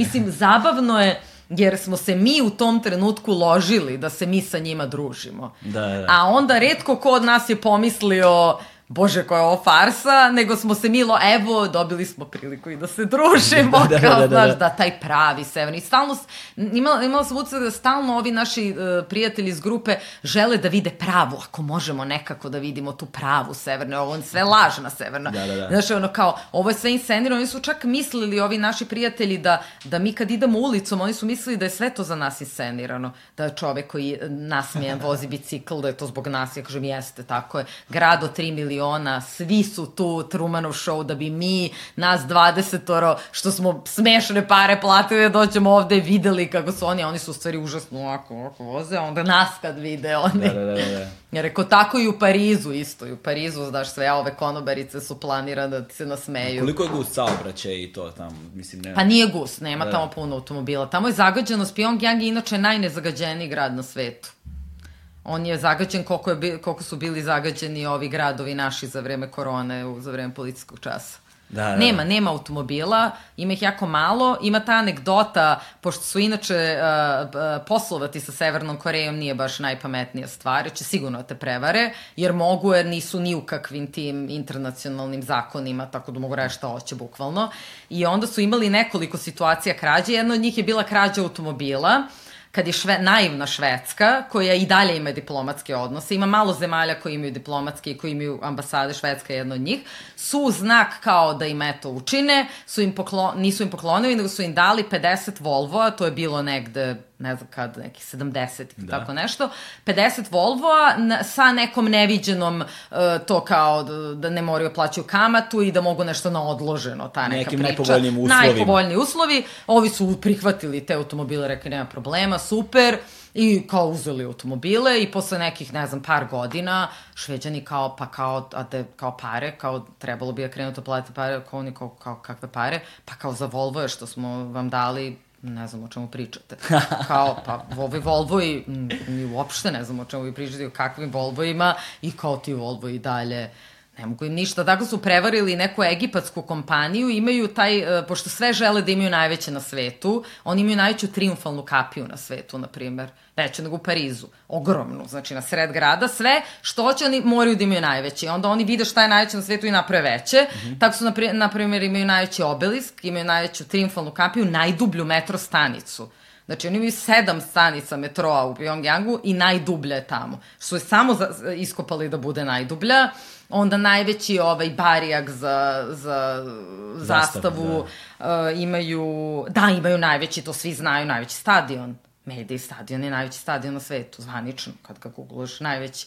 Tako da vole to, da, ne znam zašto sam krenula od najvećih Nema veze, me. ne znam. Neka je, neka je misao bila Diplomatski odnosi, Švedska, E, bravo, da. tako imaju i najveći hotel. Aha. Najvisočiji hotel, Da. ali nisu uspeli da ga završe, nisu imali para. Trebalo je taj ogroman hotel koji sam sad zaboravila nešto zove Ramo nešto, on je ovako, ovako je kao piramida uh, i trebalo je strašno mnogo stakla da ga zastakle i nisu ih imali. I onda je neka egipatska kompanija koja je htela da uvede telekomunikaciju u Severnu Koreju, e, rekla, e, pa mi vama možemo tu te repetitore, pa možda mi s vama da sarađujemo na, na kao telekomunikaciju, su rekli, nema nikakvih problema, jer oni imaju i mobilne i smartfone. Super, vi, mi ćemo tu repetitor, pa ćemo da uvedemo naš sistem, to ćemo mi sve da se dogovorimo. I kaže, samo za uzvrat ćemo da vam zastaklimo hotel. Da. Odlično. Oni lepo zastavili hotel, stavili repetitor na vrh, isto kao je bilo, je, možemo sad da uspostavimo telekom, bože sačuvaj. Da, da, da, I da. to tako, a jednom su ukrali voz od Kineza. Ceo voz Kinezima koji su im kao glavni partneri, kako da, Da, kažem, da, da. su ukrali tako jer im je trebao i onda je došao Kinez da im donese humanitarnu pomoć, iz, izbacili ga napolje, ubacili i odneli voz. I Kinezi kao voz, ne znam uopšte o čemu ovaj Jan se peške vratio i kao ukrali su mi voz, razumeš? Potpuno divni su, baš su tako sitni lopovi, mnogo su slatki u tome. Ko je, vaš najsnažniji utisak uh, iz Severne Koreje? Kao šta te, šta te je zapravo najviše ono, pogodilo tu? Nije me ništa pogodilo. Pogodilo, ali kao šta ti je bio najsnažniji dojam neki? Najsnažniji dojam mi je bilo ovaj, uh, Olgino i moje bekstvo u slobodu. Kvazi, kad smo pobegle. Odlučile da, da mi budemo te što će kao da okuse slobodu u Severnoj Koreji. Da. Jer sad kad se sećam tog događaja, to je možda nešto najsmešnije ikada, kako to debilno u stvari bilo. Jer smo mi sve vreme se smejali ovim našima iz grupe, koji su se sve vreme ložili da će oni da pobegnu nekada, sigurno će otkriti tu neotkrivenu Severnu Koreju. Mm -hmm. Sledeća situacija, Olga i ja na tom nekom sajmu cveća, gde su nam rekli da imamo pravo na pola sata prvi put da se šetamo po sajmu slo, kao slobodni, da nas da. neće pratiti naši vodiči, ali da ne smo da izađemo iz te zgrade. Ispred zgrade mogu da se kupi sladoled u tom nekom kao dvorištu i kao tu da se šetaš pola sata i to da, ti je to. I nas dve kao razularene potpuno, ko deca kad si ih pustio, znači krećemo da trčimo i prva stvar koja nam naravno pada napred, koja nikom od ovih naših koji su želi sve vreme beže nije pala, da mi pobegnemo, da vidimo kao kako ćemo sad to. I, ove, I mi shvatimo da zapravo taj, taj, to dvorište ima izlaz na ulicu. Da. I tu možemo kupimo sladoled i da izađe. Kao nas dve kupimo sladoled i ovako kao izađemo napolje, gledamo levo desno i krećemo ovako da trčimo oko zgrade, znači ovako, i sedamo ispred, jedemo sladoled i shvatimo smo na polju. I to smo negde, apsolutno ne bi smele da budemo. Sedimo ovako pored autobusa, kao dva debila, smo se slikale i kao, i kao ovo će sigurno ići u predstavu 100%. Ovo naše bekstvo će Da, ići da, u predstavu. da. I onda smo se brzo shvatile kao da moramo se vratimo i vratile nazad i kopačiće, razumeš? I kao pobegle. Da. Bile u slobodi. I kao, kao po, uh, nakon uh, tih 10 dana u Severnoj Koreji, vrlo brzo ste vas dve i napravile pozorišnu predstavu koja nosi naziv uh, Sloboda, Sloboda je najskuplja kapitalistička reč. Da. Tako? Ovaj, Znaš a, odakle sm- smo ukrali tu konstrukciju? Odakle? Mateja Bečković. Kosovo je Da, najskuplja najskuplja srpska, srpska reč, reč. da, da. E, to je da- redko ko se toga Ba, da, setio. da, vidiš, ne bi mi nikad palo na pamet, ali sam primetio da zapravo postoji veliko, veliko preplitanje pop kulturnih fenomena kroz nazive vaših predstava, između ostalog um, They Live, i, o Da, kojem da. ćemo takođe govoriti i tako dalje. Ono, po filmu Johna Carpentera, isto imenom filmu Johna Carpentera, jel te? Um, kada, sam, kada sam čitao uh, možda najmračniji roman, onako kafkijanski, jedini kafkijanski roman Nabokova koji nosi naziv Poziv na pogubljenje. Ovaj, I tu ima deo kada govori o tom a, zatvoreniku koji a, je osuđen na smrtnu kaznu i sad on čeka jel te, poziv na pogubljenje, ali postoji začkoljica u tome da ne zna se kada će biti pogubljen, niti na koji način. Ne zna ništa, možda bude pogubljen narednih 5 minuta ili narednih 10 godina. Da, I on sad čeka svako, bilo kom trenutku. Sad taj, ta, ta, to neznanje kada će da bude pogubljeno, sad se sedi i čeka da može u bilo kom trenutku da se desi. Nema gore smrti. Znači, nema, da, da. Go, nema gore smrti. Smrti za vreme života. Da, i sad tu postoji jedna porozivnost između stvarnosti, to je postmodern, postmodernistički jedan strašan roman, ali uh, i govori o tome kad sedi kako, kako, kako kroz, pro, kroz prozor vidi svoje sledovanje neba. I tu postoji jedan deo gde Nabokov kaže da ne vidi drugačiji način da piše reč objektivno osim sa navodnicima. Mm. A da Al-Bahari u predgovoru uh, se osvrće baš na taj Nabokovljiv stav gde se pominje i, i mislim da je to iz Lolite um, kad kaže da izgleda da je u prirodi svakog čoveka da uh, zabrano doživljava kao poziv. I sada kada se, po, kada se kroz to preple, is, prepletu pojmovi slobode i sreće, recimo, a, mi zapravo nailazimo na jednu maglovitost, odnosno neuhvatljivost tog pojma. Šta zapravo znači reč sloboda? Šta zapravo, zapravo znači reč sreća? E, jedini način da, ne, da je nekako odredimo ili izmerimo je da je merimo u odnosu na nešto. Ne možemo nikako drugačije. A, taj pojam je snažno a, osvetljen upravo u vašoj predstavi Sloboda je najskuplja kapitalistička reč, a, u kojoj sad reci ti malo više zapravo o tome kako ste preneli svoje iskustvo Severne Koreje u pozorišnu predstavu, Uh, i zapravo Olga i ti ste glumile u toj sobstvenoj, sobstvenoj predstavi. Pa da, mi smo u stvari uh, onog momenta kad smo donale odluku da idemo u Severnu Koreju, kao mislim da kao turisti, smo skapirale da to neće na tome da se završi, da, da bolje da odma kažemo da ćemo raditi predstavu, pa da sad s tom premisom idemo tamo, nego da nešto mislimo da ćemo tamo doći na tu mm -hmm. ideju. Tako da u stvari m, smo negde prvih, na primer, ne znam, 5-6 dana smo vodile kao dnevnik svih iskustava koje su nam se tamo dešavale, misleći da će o tome da bude predstava, jer nismo znali o čemu će biti, niti kako ćemo da je radimo, niti bilo šta drugo. I onda posle tri dana smo stvari skapirale da to iskustvo, ovo što si rekao kao šta ti je najupečatljivije iskustvo, da ta sva iskustva koje smo mi imale kad smo kao zapisivale, kao sad ta neke sitne dogodovštine, kao na primer te neke babe u parku koje su nam bile užasno zabavne, a to je da su, da su neki iz, ne, iz Nemačke, neki naši drugari iz grupe, su se istripovali na dan njihove najveće svečanosti, kad smo bili na nekoj planini i šetali, da neke babe koje su žene se veselile na njihov državni praznik, puštale neku muziku, da su u stvari inscenirane za nas i kao i ste čuli da su oni zapravo ustale i upalile baš kad smo mi došle, znači da kao oni su čak i ubeđeni da i na dan nacionalnog praznika je sve za njih iskonstruisano, da je to ono što je nama u stvari bilo negde najupečatljivije, da, da. a to je da je ceo taj svet tamo neki svet iskonstruisan za naše zapadno oko, odnosno ta neka zapadnocentrična pozicija. I onda smo mi shvatile sve ovo možemo da bacimo u džubre, odnosno to ćemo koristiti svakako u predstavi, jer to su neke stvari koje ljudi hoće da čuju, a to je kako je to u Severnoj Koreji, šta je to tamo, kako ljudi žive, bla, bla, bla.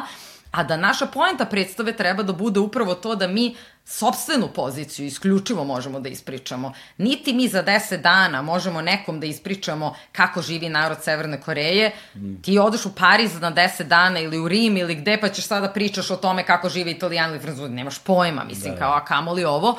Dakle, nije poenta da ti sad uh, zauzimaš tu poziciju, ti nešto upravo to otkrivaš, razmišljaš o tome kako oni žive, da li su slobodni, da li su neslobodni, nego da gledaš da, da bukvalno na taj način gledaš na koji način se to reflektuje na nas. Zašto mi projektujemo u tu Severnu Koreju babarogu najveću, mislim, na svetu, sve te neslobode, gulage, frustracije, neslobode, svega toga, zašto mi u, u tu zemlju projektujemo? Pa zato što mi zapravo, to je tajna, ono, Jungova senka, to je u stvari sve ono što zapravo postoji u nama samima. Ajmo da vidimo šta to u stvari za nas znači, na koji način smo mi neslobodni, na koji način mi živimo zapravo u gulazima, šta su da. naši savremeni gulazi, pa da odatle krenemo, na koji način mi od, od ono rane zore konzumiramo i bivamo konzumirani, I o tome je u stvari naša da. predstava. Naša, I o tome da smo zapravo hteli da radimo kontra ono što rade zapadni mediji, a to je da vidimo šta je to pozitivno u toj Severnoj Koreji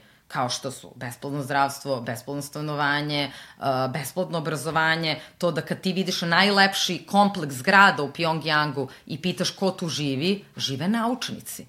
Znači, žive naučnici, žive kriminalci i biznismeni, žive naučnici. Prema tome, te neke stvari, mislim, koje smo mi zaboravili potpuno, kao da nikada istoriju nismo imali, kao da nikad socijalizam nismo imali, samo smo ga ovako po tepih stavili i preuzeli takozvane demokratske vrednosti i sve ovo što danas živimo, da se malo prisetimo svih tih vrednosti, da vidimo zašto je taj narod Severne Koreje na ulici nasmejan, a ne zašto je uh, nesrećan, zašto je slobodan, a ne zašto je neslobodan. To je ono što je nas mnogo više da. zanimalo. A zašto smo mi neslobodni? Dakle, ta pozicija nas je zanimala i time smo se u predstavi bavili. Dakle, nismo ni u jednom momentu zauzimali poziciju uh, to, nekoga ko će sad da, uh, mislim, kako da kažem, uh, objašnjava uh, narodu ono što želi da čuje, a to je da da, postoje neka gora mesta nego ova gde mi živimo, a to je ono u stvari, to je klasičan narod iz Severne Koreje. Da, to je zanimljivo, to je po onom principu lopov uvek misli da svi kradu. Znaš, s, s jedne strane, da, da a, a, a s druge strane, to osvetljavanje jedne iste teme, samo iz potpuno drugačijeg ugla, odnosno zapravo iz ono juksta pozicije, znaš, što bi neko rekao, a, je, je, je veoma dobar zato što onda on i osvetljava nas same, recimo iz tog, kad kažu ljudi zašto se, na primjer, smeju, a, a, onda bi, a onda bi taj neki zapadni sistem protumačio, možda zato što ne znaju za bolje, podrazumevajući da je to njihovo zapravo bolje. Tako je. Da zapravo ni u jednom trenutku ne postoji pozicija u kojoj se nalazi nekakva spremnost da se iskorači iz tog sobstvenog malog univerzuma, tog ono tros, trostrukog ružičastog vela, ono kojim posmatraju stvarnost, i da probaju da vide poziciju stvarnosti iz njihovog ugla ili iz ugla nekog drugog kad smo već kod toga. Pa Neko jest... drugi sa velikim D. Pa ne, ali ti ne možeš čak ni iz njihovog ugla da vidiš. Da. Ti na kraju balade samo iz sobstvenog samo možeš sobstveno. da vidiš. A i to je, mislim, generalno meni se čini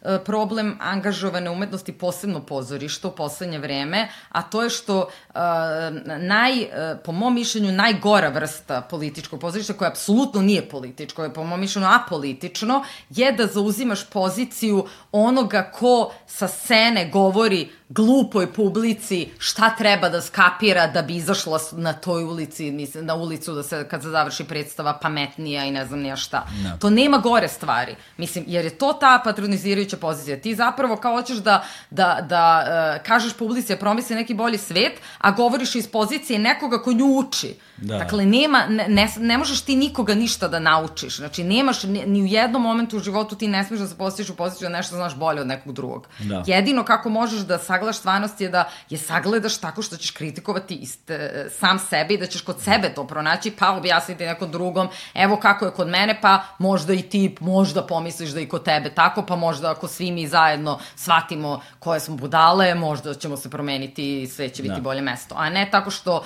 mi pametni, mislim to je ovo sve o čemu ti od starta govoriš, da, da. mi pametni ćemo vas glupe, mi civilizovani ćemo vas necivilizovane. To. Čim se postaviš u tu poziciju, to je kraj.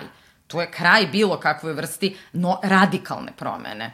To je onda zauzimanje, to je onda status quo. Ti si divan, a bukvalno sam to htela da, da, da kažem. Da. Hvala ti. S druge, s druge strane, um, zapravo odlazak u Severnu Koreju je u suštini, da zaključimo taj deo razgovora, kao odlazak na bilo koje drugo mesto, gde ti u suštini putuješ da bi saznala više o sebi. Apsolutno. Mislim, i to je, i to je jedino što, za, što u stvari, pored hiljade anegdota o kojima mi pričamo, naravno, jer to narod želi da čuje, neću ih sve otkriti jer se predstavi i dalje igra, da. ovaj, pa eto, nekada će neko valjda imati... Mislim, trenutno da se nažalost ne igra. Trenutno se ne igra, ali mi nju možemo bukvalno bilo gde da igramo, tako da... E, ali reci mi kad smo već kod toga, kad smo već kod te predstave, gde se ta predstava igra? Predstava kada... je inače produkcija Bitev teatra, u stvari uh, Bitev festivala i Bitev teatra, uh, bila je premijerno izvedena tada na festivalu, na Bitev festivalu festivalu, kao, kao produkcija festivala i igrala se od tada u Bitev teatru. Je sad činjenica da to vrsta predstave koja nije uh, repertoarska, tako da je ne igramo baš non stop, ali planiramo, mislim da je, da je dosta zanimljiva predstava ne. za ovo vreme nakon korone, tako da planiramo svakako da je igramo negde, ako bude pozorišta više ikada od jeseni. Da, da. da. Ja sam planirao nekako da nam razgovor ide linearno hronološki, nema ali to ali nema, ne, neće nema, se to desiti ne. sad da se nekako tematski vodimo i, i ovo je sad prirodan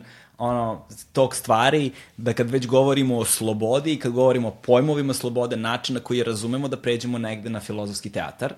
Um, I tu je odmah ono kao dobar, do, dobar intro je zapravo uh, filozofski teatar sa Terezom ovaj, Farkas. Je li tako? Furkadas. Furkadas, tako je. Sa Terezom dobro. da, da, Furkadas, da, sa Terezom, pardon. Ja sam još gora od Da, tebe, da, da, da. dakle, ako nešto nisam zapisala na šest puškica, Da, to, to, to. to je ono, a njeno da. prezime zeznuto. Um, ali, ali bih se tu vratio malo i na Tarika Alija, uh, jer je, ko je, ko je, ko je uh, uvodni govor držao pred, pred, uh, pred, pred, pred Ali, Tarika? Kako misliš uvodni govor? Pa na filozofskom teatru, znači bio, bio je neki go, nešto je bilo pre nego što je on izašao na scenu. E pa sad, znaš kad je to zaboravio. bilo. Da, da, Rekao sam ti da ako hoćeš nešto me pitaš da, da, iz prošlosti. nema veze. Sva, u svakom slučaju, kogod da je bio... Neko je držao uvodni Neko je držao govor. neki... Mislim, Hubač možda čak. Moguće, Da, moguće, da, ne da. mogu da se setim.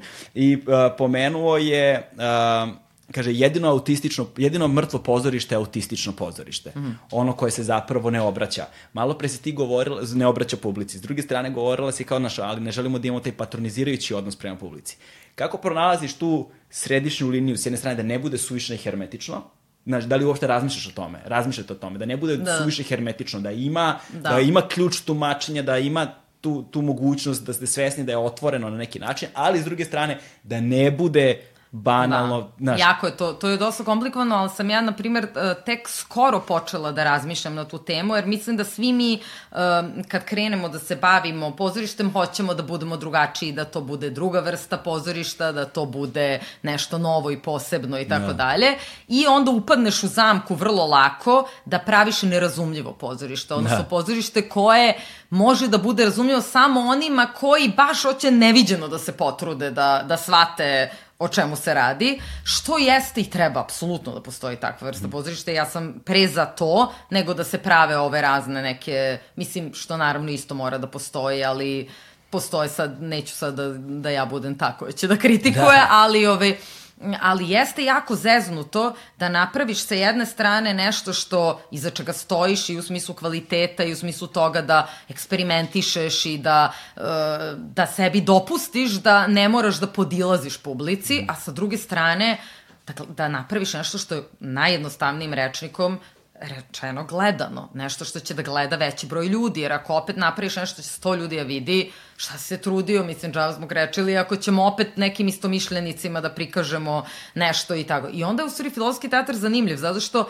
je filozofski teatar nama dokazao da možemo da u pozorište dovedemo neku publiku koju još nismo očekivali da će ikada da se pojavi prvo u pozorištu, a drugo gleda tako nešto. E sad, šta je filozofski teatar?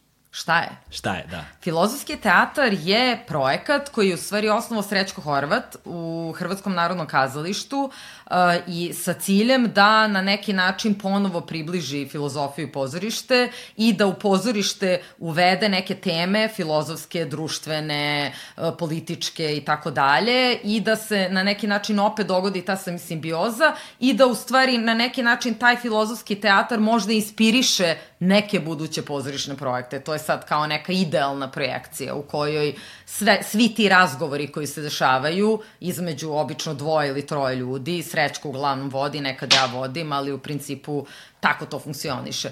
I u nekom idealnom kosmosu bi to bilo, s jedne strane, je to događaj gde može i publika, postoji pitanje, dakle, razbija se taj četvrti zid, nije publika tu samo kao nemi posmatrač, nego kao neko ko može da učestvuje u razgovoru, a sa druge strane, meni se čini da svi ti događaj su inspirisali možda i neke umetnike da prave neku drugačiju vrstu pozorišta koja je angažovanija na pametan, mislim, pametan način.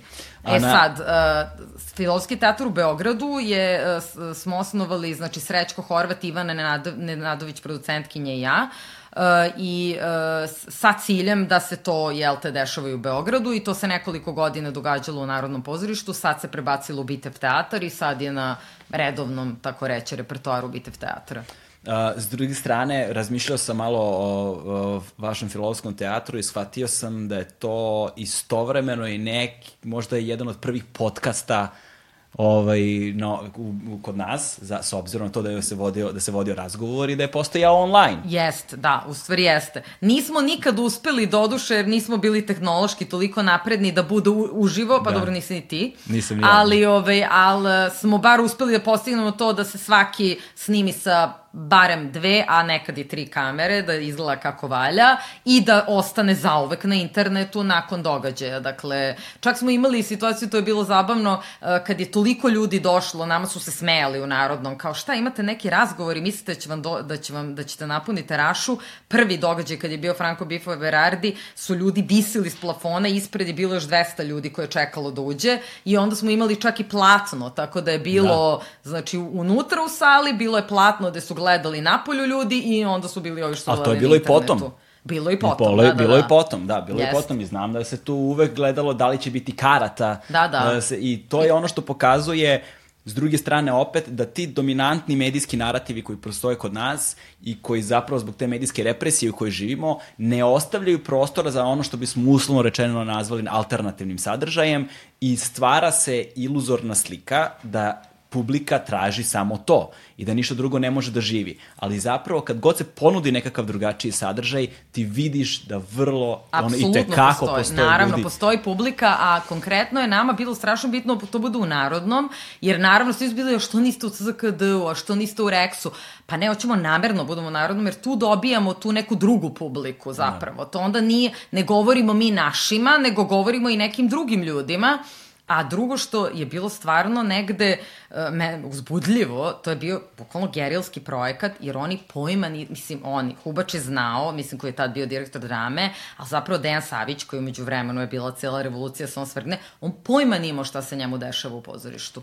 I onda u jednom momentu je krenulo, e, bač, jer su mislili, ja, to je neki tamo razgovorčić na, pošto imaju oni te neke razne takve, ovdje nešto tamo, oni neka ih na sceni, to neće niko ni da dođe, onda kad se čulo neko dolazi, onda mu je postalo, aha, kao zanimljivo, nešto se dešava, onda se pročulo od neke leve ideje se tamo propagiraju, e, tad je već malo postalo... Frka. Da, i onda su bile te neke pretnje, završit ćete ko svi levičari u podrumu i tako, i onda smo na kraju i otišli. Ove, ali, u stvari, nismo mi otišli, su nas oni oterali, nego smo otišli svojevoljno, ali... I vrlo je zanimljiv bio taj filozofski teatar sa Terezom uh, Furkadas, je li tako? Ovaj, sad, uh, u kojem ona je počela svoj govor upravo govoreći o, slob, o slobodi. Da, da. I... O slobi, kao. O slobi. Da, o slobi, liči bi za o slobi. Pa i to je pitanje slobode. Da, da, da, znaš, I to je vrlo i tekako pitanje slobode. Um, u kojem je navodila nekoliko primera definicije slobode, koji se uvek, sad vraćamo na ono prethodno, uh, vode tom linijom da slobodu merimo u odnosu na nešto drugo. Gde je rekla da s jedne strane postoji pozicija razmišljanja o slobodi da je moja sloboda se završava tamo gde počinje tvoja Da, i da. uvek govorimo o nekakvim osvajanjima sloboda i opet se vraćamo na ta ista osvajanja koja, koja konstantno pomenjemo. S druge strane se govori o tim nekim anarho i levim idejama slobode u kojima je premisa uh, ja neću biti slobodan dok svi ne budemo bili slobodni Tako i je. to onda uvodimo ideje solidarnosti, a onda se ja, onda, ali onda se ja sad vraćam, tu sam, tu sam se setio Jean-Jacques Rousseau koji je rekao onako vrlo maliciozno, tendencijozno, ali opet negde vrlo tačno, da je opisao moderna civilizacija počela onog trenutka kada je prvi čovjek opisao parče zemlje i rekao ovo je moje. Ovo je moje, tako je. Pa ne, ne, isto kao što je jedan moj prijatelj rekao, uh, kaže, uh, mi ćemo moći da govorimo o, o pravom komunizmu i o pravoj levici onog momenta kada budemo spremni da ne nasledimo ništa da bukvalno, da pristanemo, da ne nasleđujemo. Jer kad pogledaš u stvari zapravo i, i sistem nasleđivanja je vrlo problematičan. Mm -hmm. Ti si nasledio nešto što ti apsolutno ni na koji način nisi zaslužio. Osim time što je neko pre tebe to zaradio, a ti si biološki potomak. Dakle, vrlo je problematična pozicija uopšte današnjeg sveta, kako funkcioniše, mi govorimo o pravoj slobodi, upravo da. to što ti rekao. Znači, parče zemlje, ovo je moje. Da. I kako da, a neko drugi to nije nas, i kako mi, mi smo odmah, ko kad kažu kao pa dobro, ali ako buku iste ove keceljice u školi, deca neće znati uh, ka, koliko ko, ko ima para. Da, neće na prvi pogled znati ali neće oni ne pričati u tim keceljicama. Kako, Da, da, da. Na tome... I neće opet oni otkopčavati te keceljice ili mantiliće ili šta god daje po sredi. Tako je, da. Znaš, i život ne počinje, ne završava se sa tim mantilima. Znaš. Apsolutno, sa Znaš, ne možeš da, šm- šminku da staviš i da sve ostalo u životu ostane nepromenjeno i da se desi Jest. nekakva promena zapravo. Ali da, ali u stvari je e, pitanje slobode sada da malo pre, stvarno se na neko lično prebacimo, jer stalno imamo utis, mislim i dobro je što pričamo o globalnim stvarima, ali ne znam kako, je, kako ti funkcionišeš u životu sa svojim ljudima u blizini, ono, ne znam, ženom i, i već kim, prijateljima, ovaj, ali a, nekako a, ja imam utisak da mi na nekom bazičnom nivou isto nismo baš spremni da damo drugoj osobi slo, pravu vrstu slobode. U kojoj meri mi dajemo, u kojoj meri mi kao individue kontrolišemo ovu drugu osobu i do koje mere uh, mi očekujemo da tu slobodu mi u stvari gradimo. Ja sam slobodan da radim određene stvari samo ako ti to meni dopustiš, a ja tebi dopuštam dokle to meni odgovara. Mislim da i to neko mesto gde treba sloboda da se prispituje, a to je u stvari na, na, na dnevnom nivou. Da. Ono, koliko ti puštaš drugu osobu da bude slobodna. Uh, pa onda gledamo naš, da li smo slobodni u društvu. Znaš, za, zanimljivo je kako govorimo o slobodi ukoliko joj postavljamo granice. Znaš, to je zapravo negde... Da, ali vrlo često pričamo abstraktno o tome. A pa jeste, ali na svakodnevnom nivou recimo bi se to najlakše mogao definisati nekakvim emotivnim uslovljavanjem ili emotivnim ucenama. Znaš, I da razne recimo. vrste, tako no, je. Da. da, da, jer mi, na, mislim, mi kad pogledamo, mi vrlo često u životu to zapravo radimo, a to je da govorimo o nekim, mislim, to, su, to je sad ta pozicija toga da li ti imaš pravo da govoriš o društvu i svetu i o tome kako on funkcioniše, a da ti kod kuće radiš nešto sasvim drugo. To je isto pitanje, kao i ono čuveno pitanje, mislim, kako se Che Guevara, koji je propagirao ideje koje je propagirao, uh, obhodio prema sobstvenoj ženi Tako što je ona lepo sedela kući, čekala se da, da snimala mu kasete dok, se, dok je on vodio revolucije, ma nemoj. Ne. Mislim, kako da kažem, lako je, ta, lako tako. Da, da. Koliko smo spremni da živimo filozofiju koju propovedamo. Tako je. Mislim, i tu onda bi se ja pre uvek e, vratila na Badjua i o njegovoj knjizi Pohvala ljubavi, koju bi, eto, i ta je knjiga divna za čitanje, možda nekad nekom prilikom da je pročitaš, a to je da je u stvari ljubav komunizam za dvoje. Ajde da te vidim. Kako sad?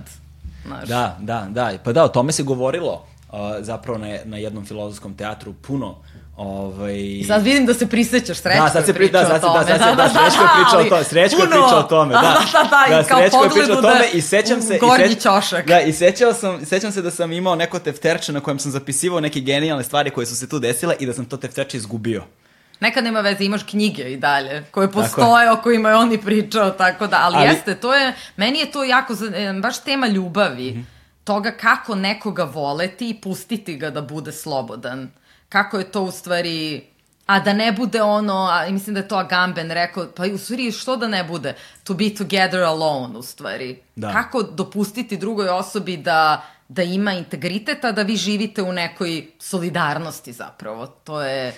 Sad, ali je stvar u tome da ti, da je to nekako opet, kako barem ja to vidim, kao neko permanentno stranje, stanje promene. Absolutno. Jer ti uvek moraš da učiš i da budeš spremna da se adaptiraš. I da nema kraja. I da nema kraja. Da je to Aha. prosto, moraš da prihvatiš da je proces zapravo krajnji cilj. Konstantno stanje pa, promene. Pa tako je, da, ona budistička, ne postoji put do sreće, put je sreća. Put, to, to. Pa to, da, ali to, jeste u stvari, na kraju dođemo na te New Age u stvari mm -hmm. filozofije, u, u principu da, je to da, da. to. Jer ti kad, aha, treba da ne, nego pijemo ja Red Bull. Hoćeš, ne, hoćeš ti, ja, ja hoću. ne sam to, da, da, da, mislim, ja to... Čukat će ti stani to. Gotovo je, da, nisam ni treću kafu, a kamo li... Nisam ni treću kafu, to mi se dopada.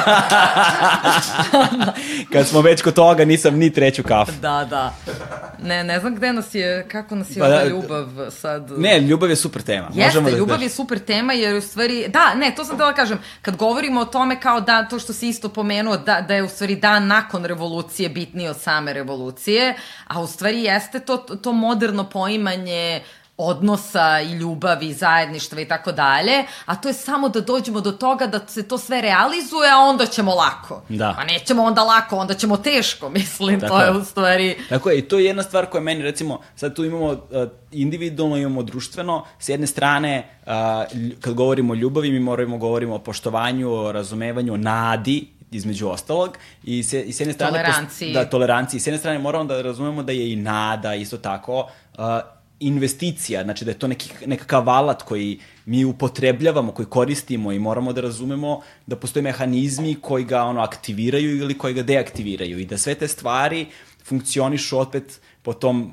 po tom nekom principu, ali s druge strane um, a, a, užasno me poražava, poražava kada se govori o tome da neko treba drugi da dođe na vlast, recimo ovog treba da svrgnemo, ovaj treba da dođe, ili ovaj će da nas spasi, ili će ovi da budu najbolji, ili ova partija, ili ovaj pojedinac. I to mi je potpuno besmisleno. Ne treba, ja ne verujem da će bilo ko pojedinačno ili kao grupa biti ti koji će nas spasiti, ne treba niko nas da spasi, mi treba da oformimo institucije koje će kontrolisati rad vlasti. Tako da pa da. njima može, dakle da, da, da je to njihov zadatak, da oni kontrolišu njih, da rade svoj posao dobro, kogod da je tu. Da neka ga radi kako treba. Ali ne čak ni njima. E, to je ono, Da, da, da. vratimo se na ovo lično Da. i na to koli, da li ti se nekad u životu desilo da pomisliš upravo to, svrgnućemo jednog, doći će drugi. Da li ti je nekada pomislilo, kad se otarasimo ove loše veze, doći će ova idealna veza, pa će sve da bude super. Tako je, da, da.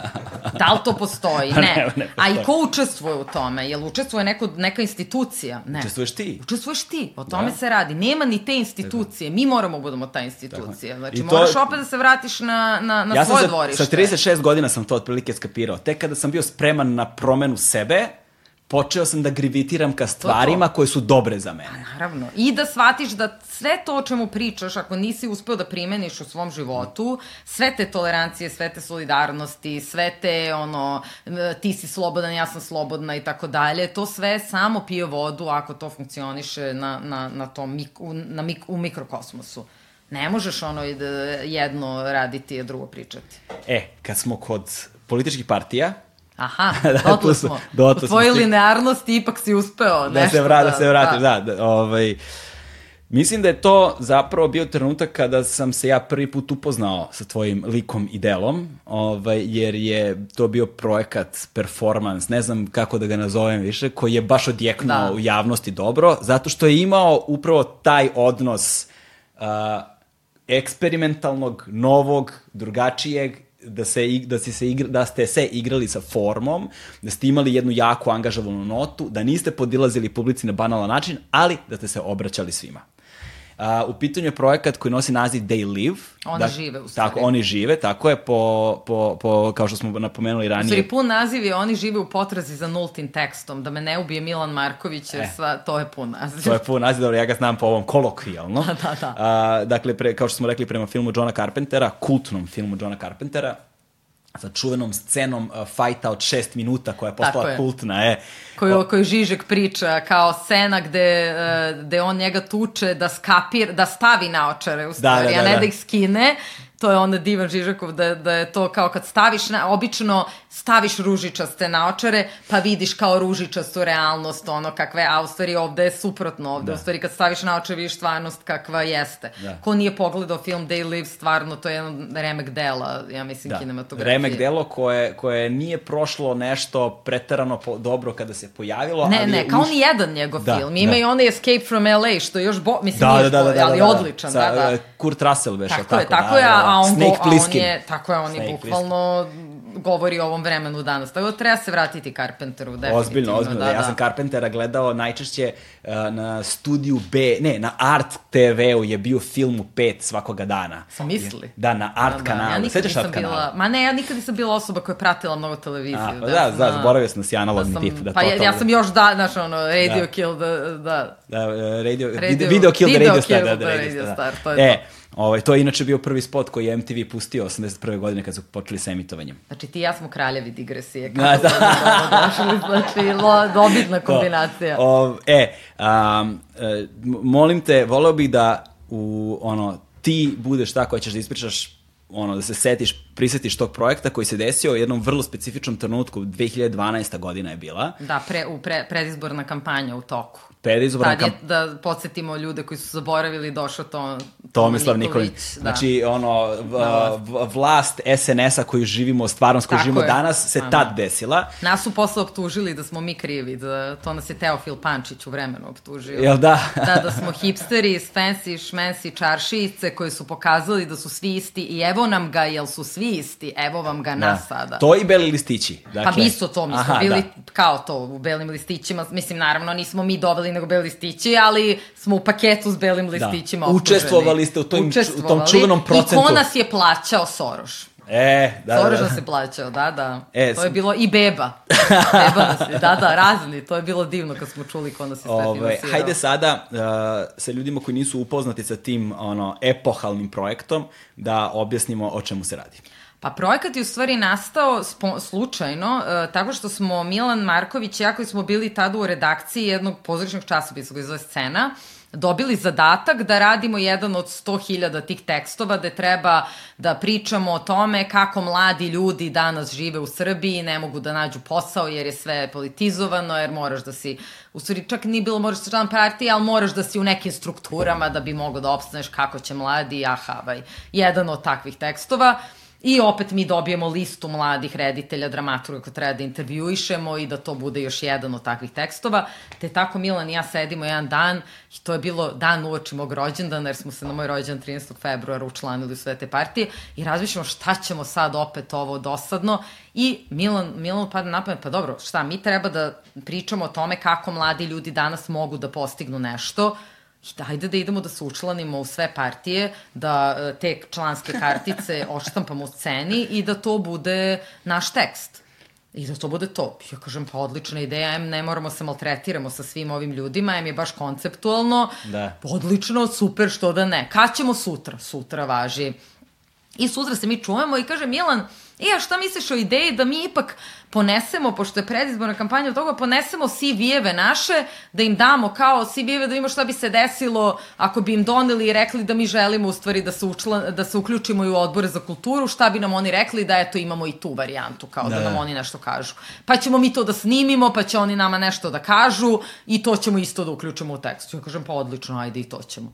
I mi taj dan krenemo lepo od partije do partije, jel te, kuc, kuc na vrata, izgooglali gde se svako nalazi, a da poenta je bila da idemo u one stranke koje će da pređu cenzus. Da, aha, ok. Tako da je to bilo tih sedam tadašnjih, to je znači sad sigurno neću uspiti sve, ali brojim da mi pomogneš, znači to su bili DS, DSS, SNS. LDP, G17, koji je tad Jao, da. URS već bio, uh, Unija, da, da. Rasim, ovaj, socijaldemokratska i, evo ga, fali mi sedmi, SPS, SPS, bravo, SPS, tako je, SPS, i SPS. Voja su spas. Tako je. A radikali? Nisu bi, ne, znali smo neće preći, Da, da. nisu pre, oni su se umeđu vremenu vratili, oni su tad bili ispod. Da, da, da. Tako da samo ovde gde možemo sigurno da uđemo, što bi se reklo, u neke strukture, da imamo vajde u A suštini. viš ako je zanimljivo, zaboravila si baš SPS. Zaboravili smo SPS. E, da, da. Hmm, Šta to govori o nama, da. I, u I- svakom slučaju odemo mi tako taj dan i to kao dobar dan, kuc, kuc, odemo na ta vrata, damo im te CV-eve, dobijemo član, te, čl, učlanimo se, Niko vas ništa tu ne pita, nikome nisu sumnjivo Pita, što tako... ne, pišu ti tamo, ti su lagali smo, jeste član neke druge partije, nismo, mislim, naravno lagali. Ove, i što želite da se uključite tamo, uneli, želimo se, budemo odboru za kulturu i I dobro, to je bilo sve okej, prošlo lepo, ostavili telefone i kontakte, međutim, pošto je bila predizborna kampanja u toku, dešava se nešto mi nismo očekivali, a to je istog dana nas kreću da zovu iz svih tih partija, jer umeđu vremenu, jer ti na, na tim mestima gde se učlanjuš ne znaju ko si, boli dupe. Da. Oni su to prosledili dalje i ovi su skapirali, ujebote mi, ove možemo da iskoristimo za predizbornu kampanju, ovo su neki ljudi koji imaju neke CV-eve i kreću pozivi, Da. gde mi u roku dva dana postajemo, kad smo već kod SPS-a, u glavnom odboru SPS-a sa sve Dragojevićem, Nešom Galijom i tom ekipom, uh, u, gla- znači istog dana, u glavnom odboru uh, DS-a gradskom, SNS-a, uh, DSS, ne, DSS ne, DSS nas nije izvinio. Oni su malo tvrđa struja. Se, vratit ću se na njih. LDP-a naravno, Naravno. URSA, u stvari svi, svih partija, o, svi nazovu, e, odma nastavljaju ili u gradski ili u republički, odma sastanci sa njima, e, sutradan kreće ludilo, jedini skeptični DSS kažu, naš predsednik, Sinša Kovačević, je rekao da morate da mu date neki tekst da ćete vi da objasnite vašu poziciju zašto vi želite da se uključite u odbor za kulturu, te onda će onda razmotri da li ste vi ljudi za njegov odbor. Jer imamo pravo budemo članovi partije, ali članovi odbora moramo da zaslužimo za razliku od ovih, ne da nismo zaslužili Da, da. istog momenta. I dobro, i mi kao okej. Okay. I sad uh, ovi sastanci se dešavaju, da mi idemo, snimamo sve vreme šta se dešava, jer t, mi smo ubačeni u projekat koji mi ne... Kaže Milan, šta mi sad radimo? Kažem, nemam pojma, ali brate, idemo. Da idemo. Vidimo šta da radimo. Gluma teška se dešava tamo. Onda nam se dešavaju anegdotarne stvari, tipa da nas ovi iz LDP-a nam daju, koji naravno kao i svi liberali imaju najveći broj ovih olovka, hemijski, uh, svih ovih čuda, to nam sve daju, sve ljubičasto roze, šljašti. Uh, ja slučajno u SNS-u vadim LDP fasciklu, vraćam je nazad. Da, da, da. Milan u SPS-u sedi uredno i zapisuje LDP olovkom ideje, ja ga ćuškam iza, razumeš, da, da, da. otimam mu olovku i tako. I to se sad dešava. Evo neko idemo... primetio nešto? Niko ništa. Ne. Uh, ja, mislim, glu, ja glumatam sve u 16 jedva dočekala, Milan me udara, prestani, provalit će nas i tako. Na nekim odborima njegov telefon ovako stoji, neko priča neku neviđenu budalaštinu, ja slučajno ako gurnem telefon kad toj osobi mu se ispod, kao, mislim, telefon je na stolu, da. snima, ali da ga malo bolje snimi i tako. Ove, I u svakom slučaju mi kao, ok, moramo da omekšamo ove iz DSS-a, kako ćemo, uh, moramo tekst da im napišemo, I kao šta da radimo s tim tekstom i sad razmišljamo, razmišljamo i mislim da je Milano palo na pamet kao pa daj da im poturimo neki tekst dru, drugi, ali ne samo njima, nego neki tekst koji bi svima mogli da damo, da to bude naš, jer je predizborna kampanja u togu, da to bude naš kao neka vrsta, ono, ne znam, ani nešto, da im damo neki tekst. Uh, Uh, i, uh, I on se seti Gebelsovog teksta, uh, Jozefa Gebelsa iz 28. godine, govor partijskim drugarima, koje se zove Znanje i propaganda, gde uh, bukvalno smo uzeli maltene, ne ceo tekst, ali sigurno dve trećine po pasusima, promenili smo samo ono Hitler u, u vođe partija svih ovih, da, i nacional socijalizam u demokratija, liberalna demokratija, socijalizam, la la, uh, i uh, propaganda u politički marketing. Aha, potpisali savremeno. se, tako je, potpisali se, e, nazvali smo taj tekst ideja, strategija, pokret i potpisali ga nas dvoje. I poslali na sve adrese. Svima. Svi oduševljeni, stižu reči hvale isključivo, DSS nas prima, odlični smo, sve da, okej. Okay, to je, smekšali da. ste ih.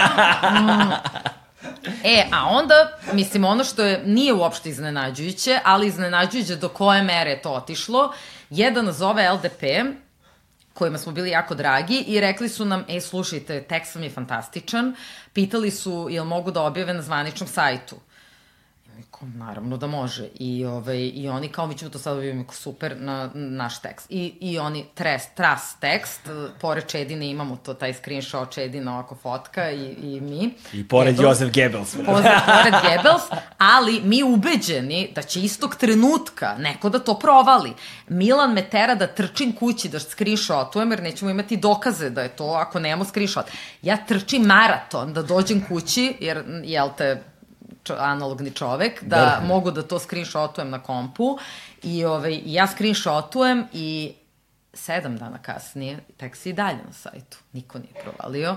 U stvari je tekst provaljen tek kada nas je cenzurisao JDP jer su nas provalili neki jer je negde procuralo da mi radimo projekat. Inače, niko nikad to ne bi provalio. I zapravo je to tako bi ostalo zauvek. I pitanje je da, znaš, da to možda niko i ne čita na tim sajtovima. Ja mislim da su čak možda i čitali i dopalo im se.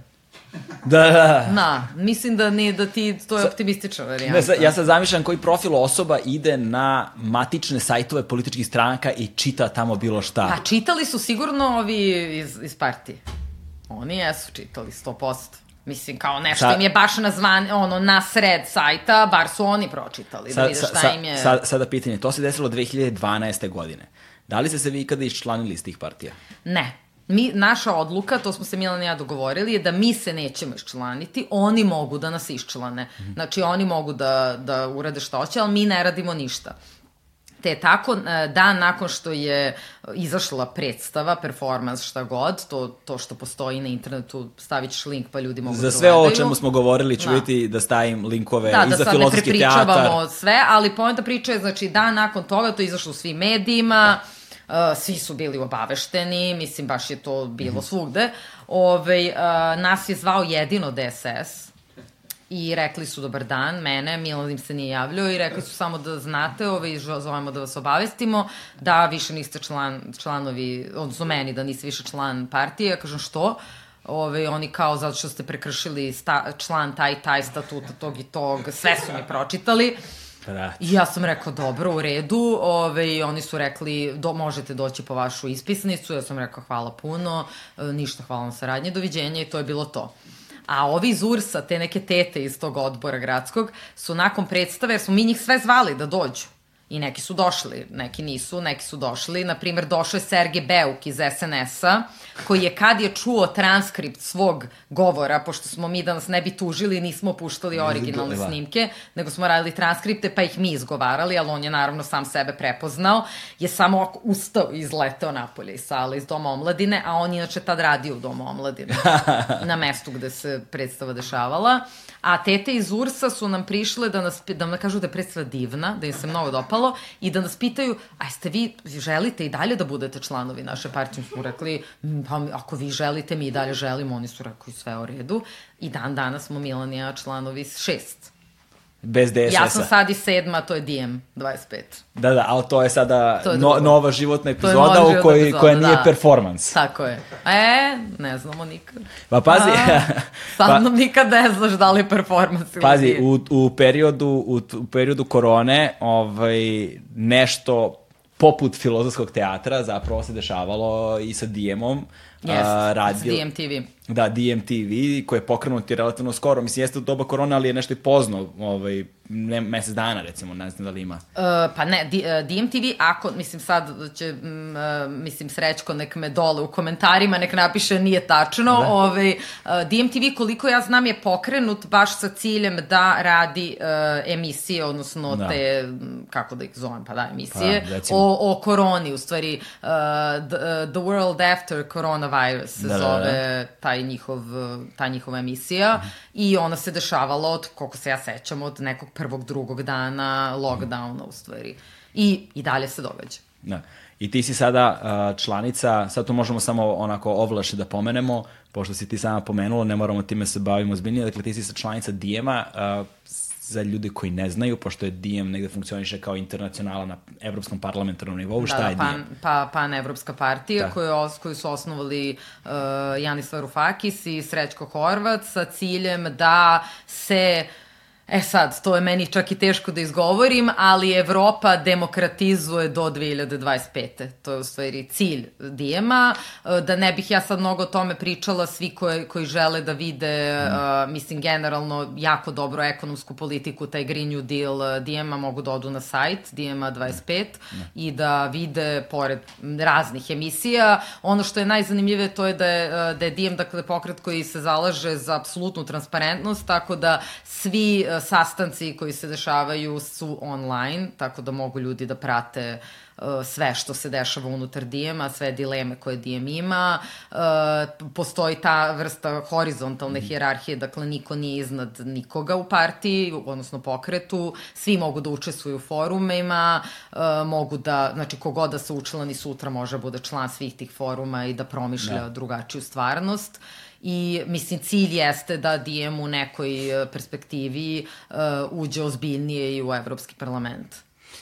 E sada, da s, uh, se udaljimo od tih tema i da pređemo na sledeću. Ovaj, to smo završili. To, to smo, ček. to smo, to smo da, da završili, ček, ček štiklirano. Um, jedan od, jedan od projekata koji je nekako ostavio značajan trag, odnosno možda je započeo jednu uslovno rečeno novu eru ovaj, u televizijskom i filmskom programu a, jeste serija Jutro će promeniti sve. Zato što serija Jutro će promeniti sve se pojavljuje kao prva valjda, mislim, možda grešim, možda grešim, ali recimo u širom oku javnosti, prva koja je srušila tu ono uh, više decenijsku vladavinu Siniše Pavića.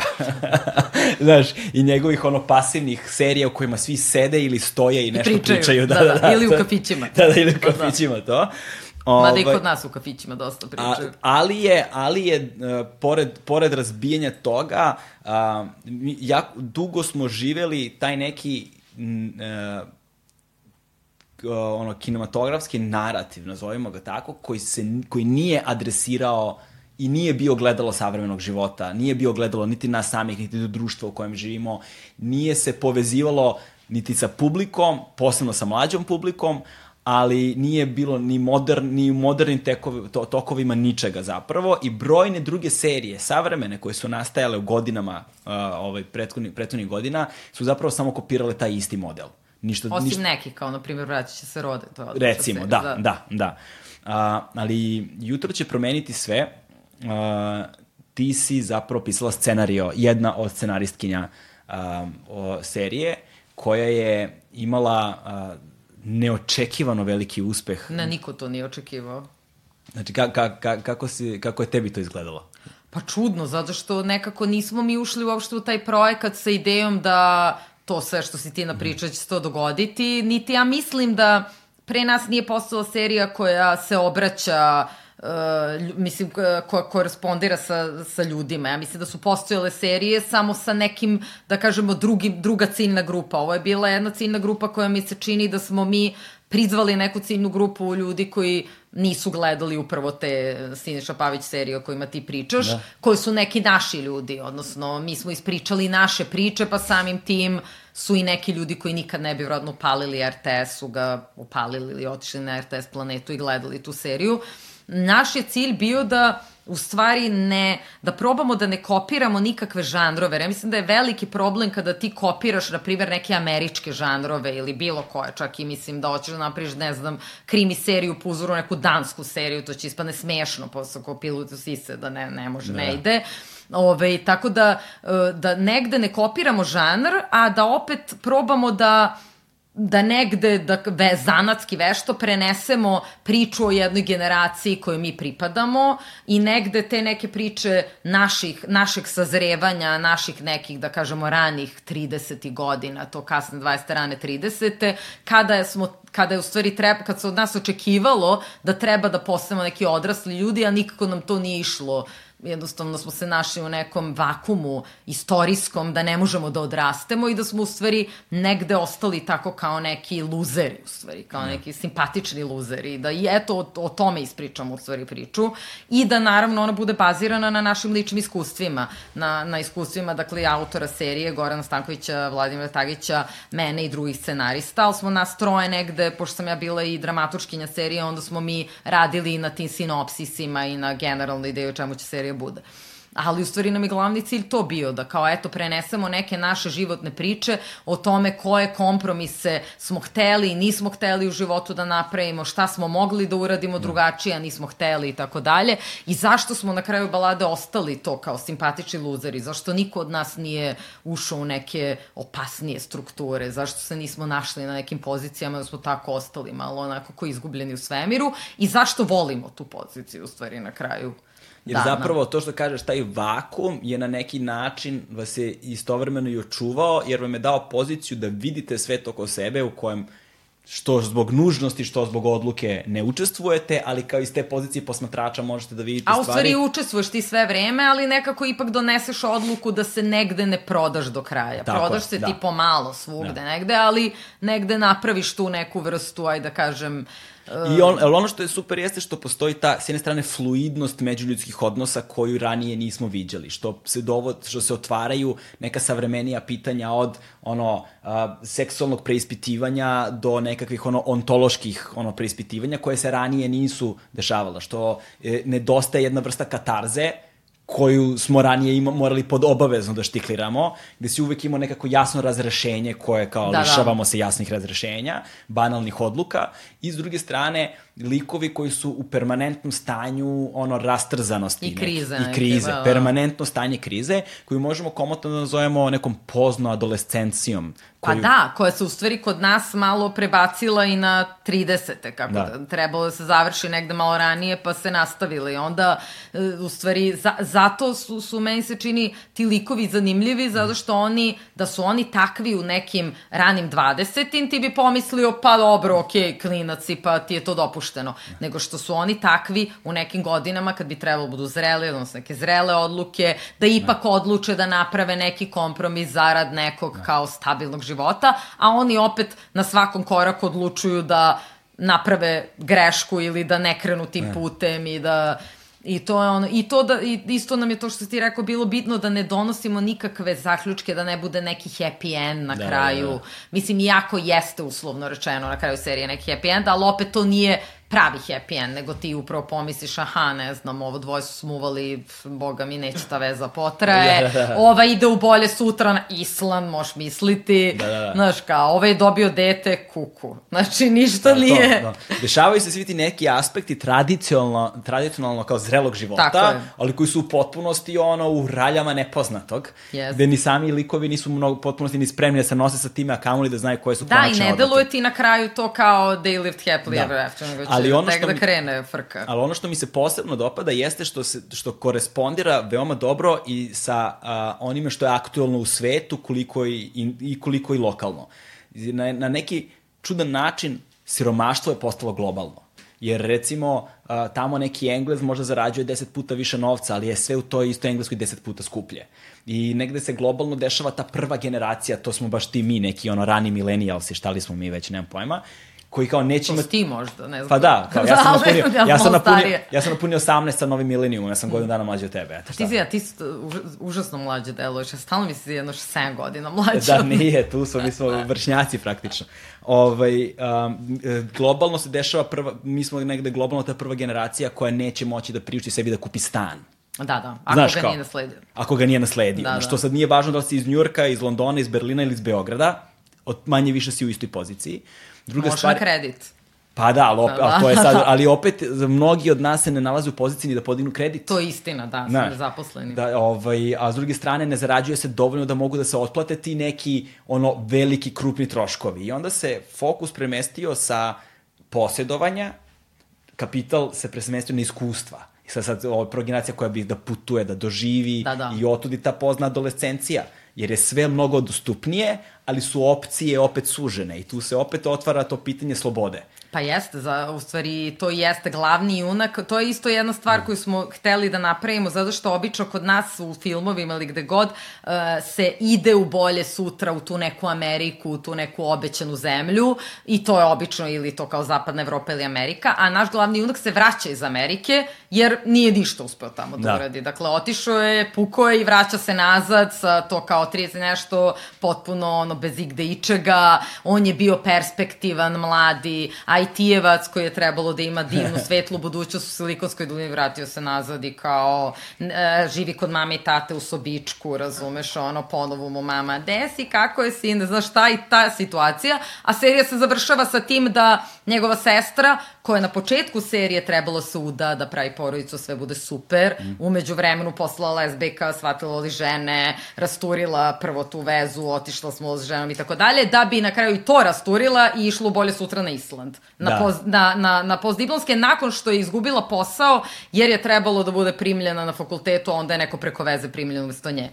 Da, dakle, da, otvaraju se ta partokratija, ta, je. jel te, da, da. taj tribalizam, a, negativna selekcija i u sve stvari. U suštini sve ono što nas sve u životu nas je sigurno nekada. Mislim, mi smo da. gledali da ništa u seriji nije nešto što je van našeg iskustva. Da. Sve to smo negde mi iskusili, mm. to što su ti likovi iskusili, do nekih naj, kako da kažem, naj, ovaj, konkretnih scena iz našeg života, da. što ja sećam kad smo kao razmišljali da li ćemo kao da radimo jutro dva odma nakon jutra jedan i sećam se Tagić rekao ja više ne mogu, ja sam sva iskustva ovako, nemam, vi, nemam više, da.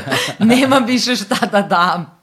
E, tu a, ima malo fikcije u toj seriji. E, koliko, da, ma, zapravo Vrlo nema. malo fikcije, e tu pitanje... nije nikakav talent bio potreban, samo životno iskustvo. I juneća upornost. I tako. Da se napiše cela stvar. E, ali um, da, u stvaranju likova i u pisanju, da li ste imali, sad to je ono Bahtin u, u romanu, o romanu, govorio kako je kao Dostojevski bio ravnopravan sa svojim likovima. Znaš, on mhm. počne mm. sa njima, ima početnu poziciju, ali ne zna gde će oni da ga odvedu. Dobro. Dok postoje drugi autori koji su od početka do kraja imali jasno definisano šta je to što žele da nam postignu i na koji način.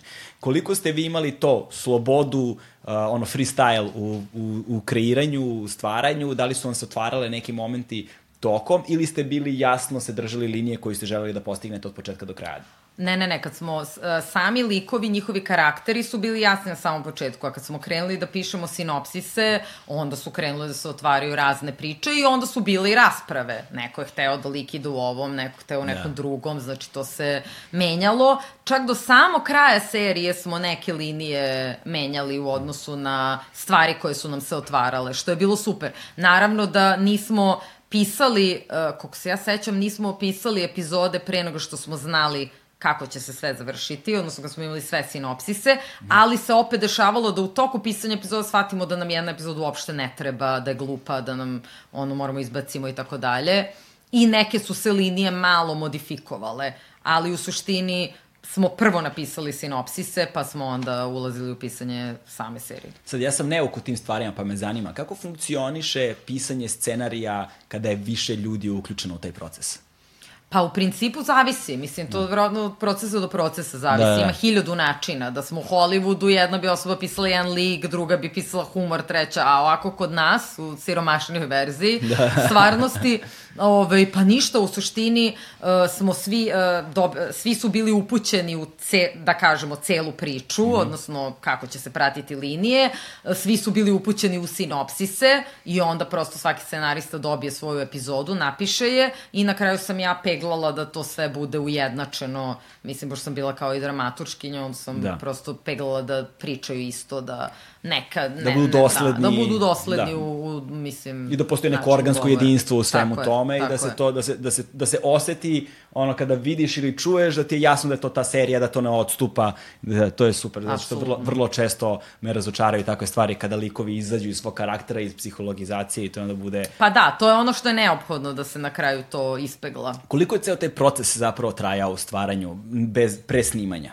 Pa koliko se ja sećam, jedno sigurno godinu dana, ako ne i malo duže. Intenzivnog rada. Pa da, mislim ono, no da. Mislim, bile su pauze neke, ali u suštini da. Kada pišeš... Kad se sve sabere sa pisanjem epizoda. Kada pišeš, uh, koliko si dosledna ono u pisanju kao recimo jel ustaješ ono sad kao na poslu od ponedjeljka do petka od Bože, 5 do 9 do 5 ili si ono freestyle kao totalno? Pa ne nisam freestyle da. nego sam kao i većina ja mislim ljudi u mojoj okolini osoba od deadline-a mislim znači da. kad se približi deadline onda imaš te ovako ne Od jutra do mraka. Ma ne, pa ja probala sam to. To, me, to na fakultetu te svi uče da, pa, kako neko misli da on radi, je tako misli da i drugi. I on da, ti da. kažu, znaš, ono, te čuvene rečenice što se prenose s generacije na generaciju, što je, ne znam, Selenić rekao Biljan Srbljanić, ona nama, najlakši način da nešto ne pišeš je da ne pišeš. I to kao ne pisati, to je strašno. Kao ako ne pišeš, više nisi pisac, mislim, gluposti.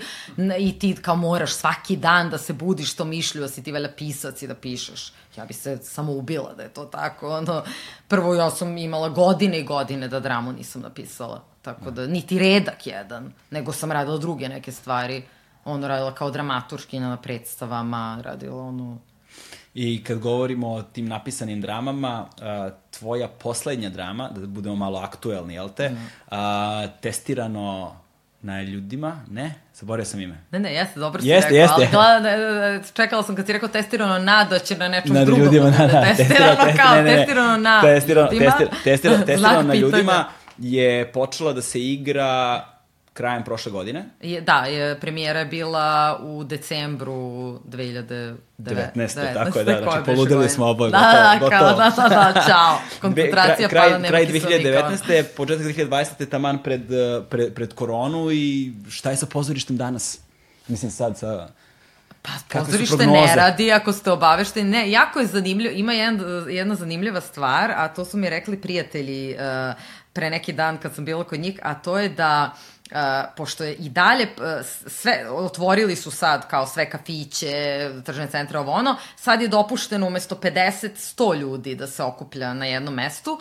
Ta mesta mogu da budu diskoteke, restorani samo do 100 ljudi, teretane mm -hmm. gde se ljudi znoje, kašlju i tako da nema vazduha, ali pozorište ne spada u te kategorije. Pozorište je nešto potpuno drugo i, pozor, i samim tim ne može ništa tamo i ako imaš ti scene, male scene su ti sve ispod 100 ljudi, suštinski da, da. bi moglo, ali ne može. I onda sam čula da, e, i ne mogu naravno ni ove koncertne dvorane, ne može filharmonije i tako dalje, i sad e, sam čula da neki a, a, grupa a, koja se zove Bunt, ja mislim, mm -hmm. da, koji organizuju a, koncerte razne sad neke, a, koncerte klasične muzike, da su krenuli i to će sad ovde na Dorčulu negde budu u nekoj teretani, da zakupljuju teretanu Da, da, da. i da u teretani svi imaju koncert, jer može, Da, jer ne da. sme u pozorištu i ne sme u nikakvom takvom za, valjda, instituciji kulture u stvari.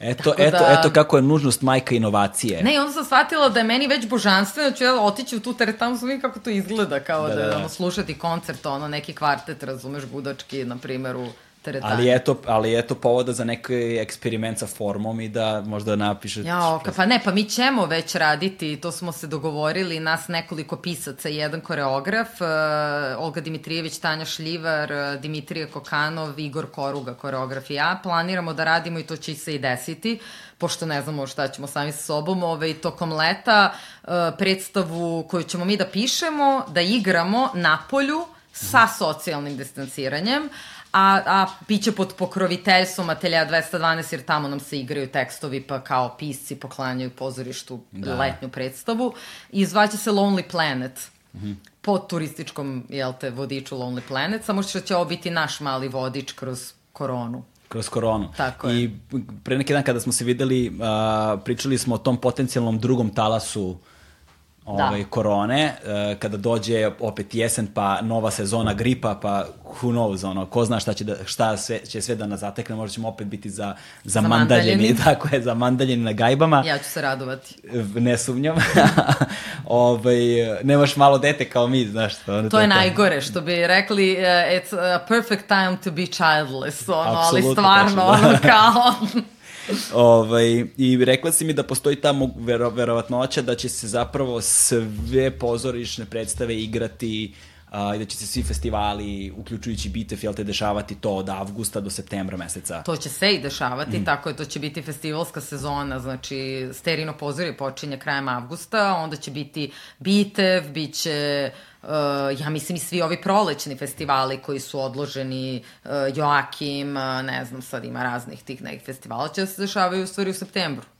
Tako da, u suštini, tvoju novu, odnosno poslednju predstavu, ljudi, mogu, ljudi će moći da vide u od avgusta meseca, pretpostavljamo. Pa vidjet ćemo, mislim, ne da. znamo šta će biti. U svakom slučaju... Ili u nekoj teretani možda. Ili u teretani, pa ne, u principu ono što je zanimljivo je, na primjer, ja treba da radim u Bitefu neku predstavu na jesen, mm -hmm. i to od novembra, kad se očekuje drugi talas korone, sa Nikolom Zavišićem i mi smo već sada u planovima, a inače njihova tema sledeće sezone, pa i ovog Bite festivala je posthumanizam, uh, te se bavimo generalno digitalnom realnošću, ro robotima i tako dalje u toj novoj predstavi.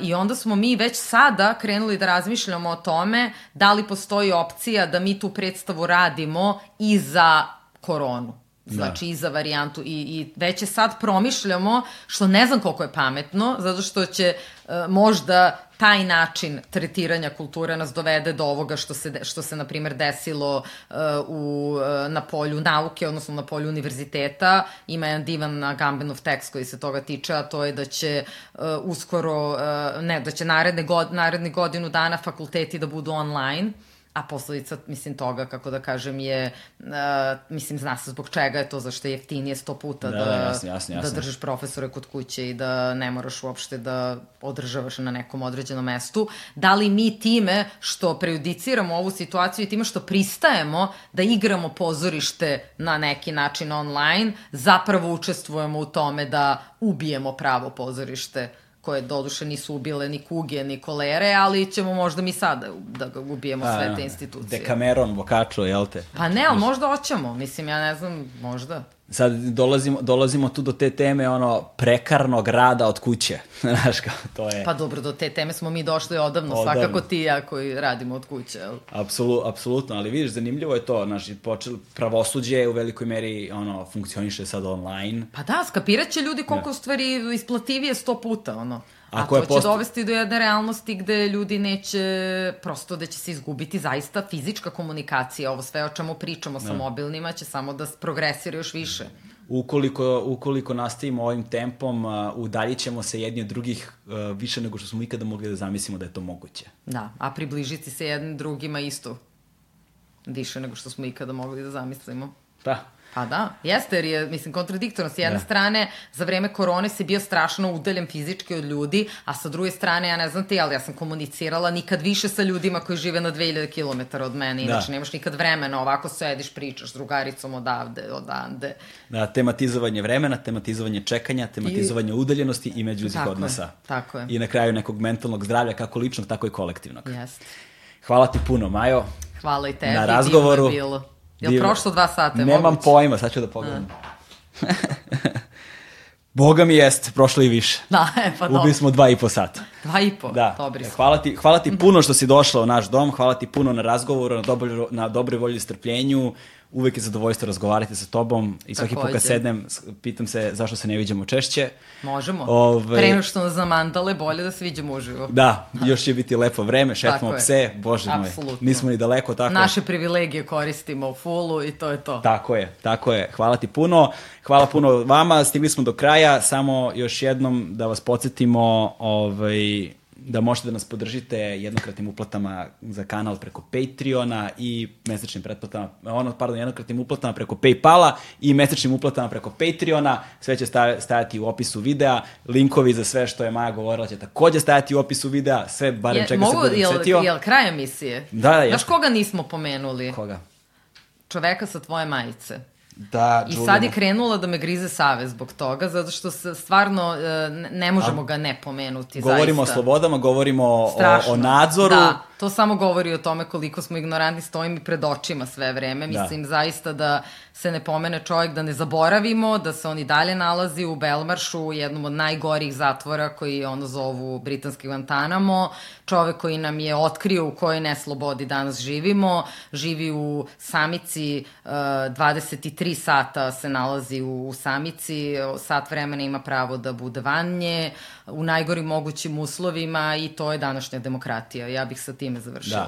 Da. A, u razgovoru sa Srećom Horvatom smo pričali o tome, imamo čak i odvojen jedan kratak segment kod nas na kanalu, a, piše Sreću Horvat o poseti Assanžu u Belmaršu, tako se zove klip kod nas na kanalu, možete da pogledate, gde govori o tome kako izgledao njihov susret, u kakvom se psihofizičkom stanju čovjek nalazi, u tome kako izgleda ta tortura ograničavanja zapravo svega i koliko je uh, presedan međunarodne politike zapravo uh, to što se njemu dešava i koliko je važno za sve nas, a i put, potom za, i za same istraživačke novinare, za uh, ono što danas nazivaju internet aktivistima, koliko je važno zapravo svi ti ljudi budu pod uh, zajedničkim zakonom kao što, je, kao, što, kao što su zaštićeni na barem na zapadu, kod nas je sasvim drugačija situacija novinari, ovaj, da bi i koliko je pitanje fair suđenja, fair odnosa prema tim stvarima, pitanje svih nas, budućnosti svih, svih nas, tako da slobodno pogledajte kod nas na kanalu ukoliko imate slobodnog vremena i dobre volje. Eto. Sad smo završili. Sad smo završili. Kraj, gotovo. Hvala, vidimo se. Ćao.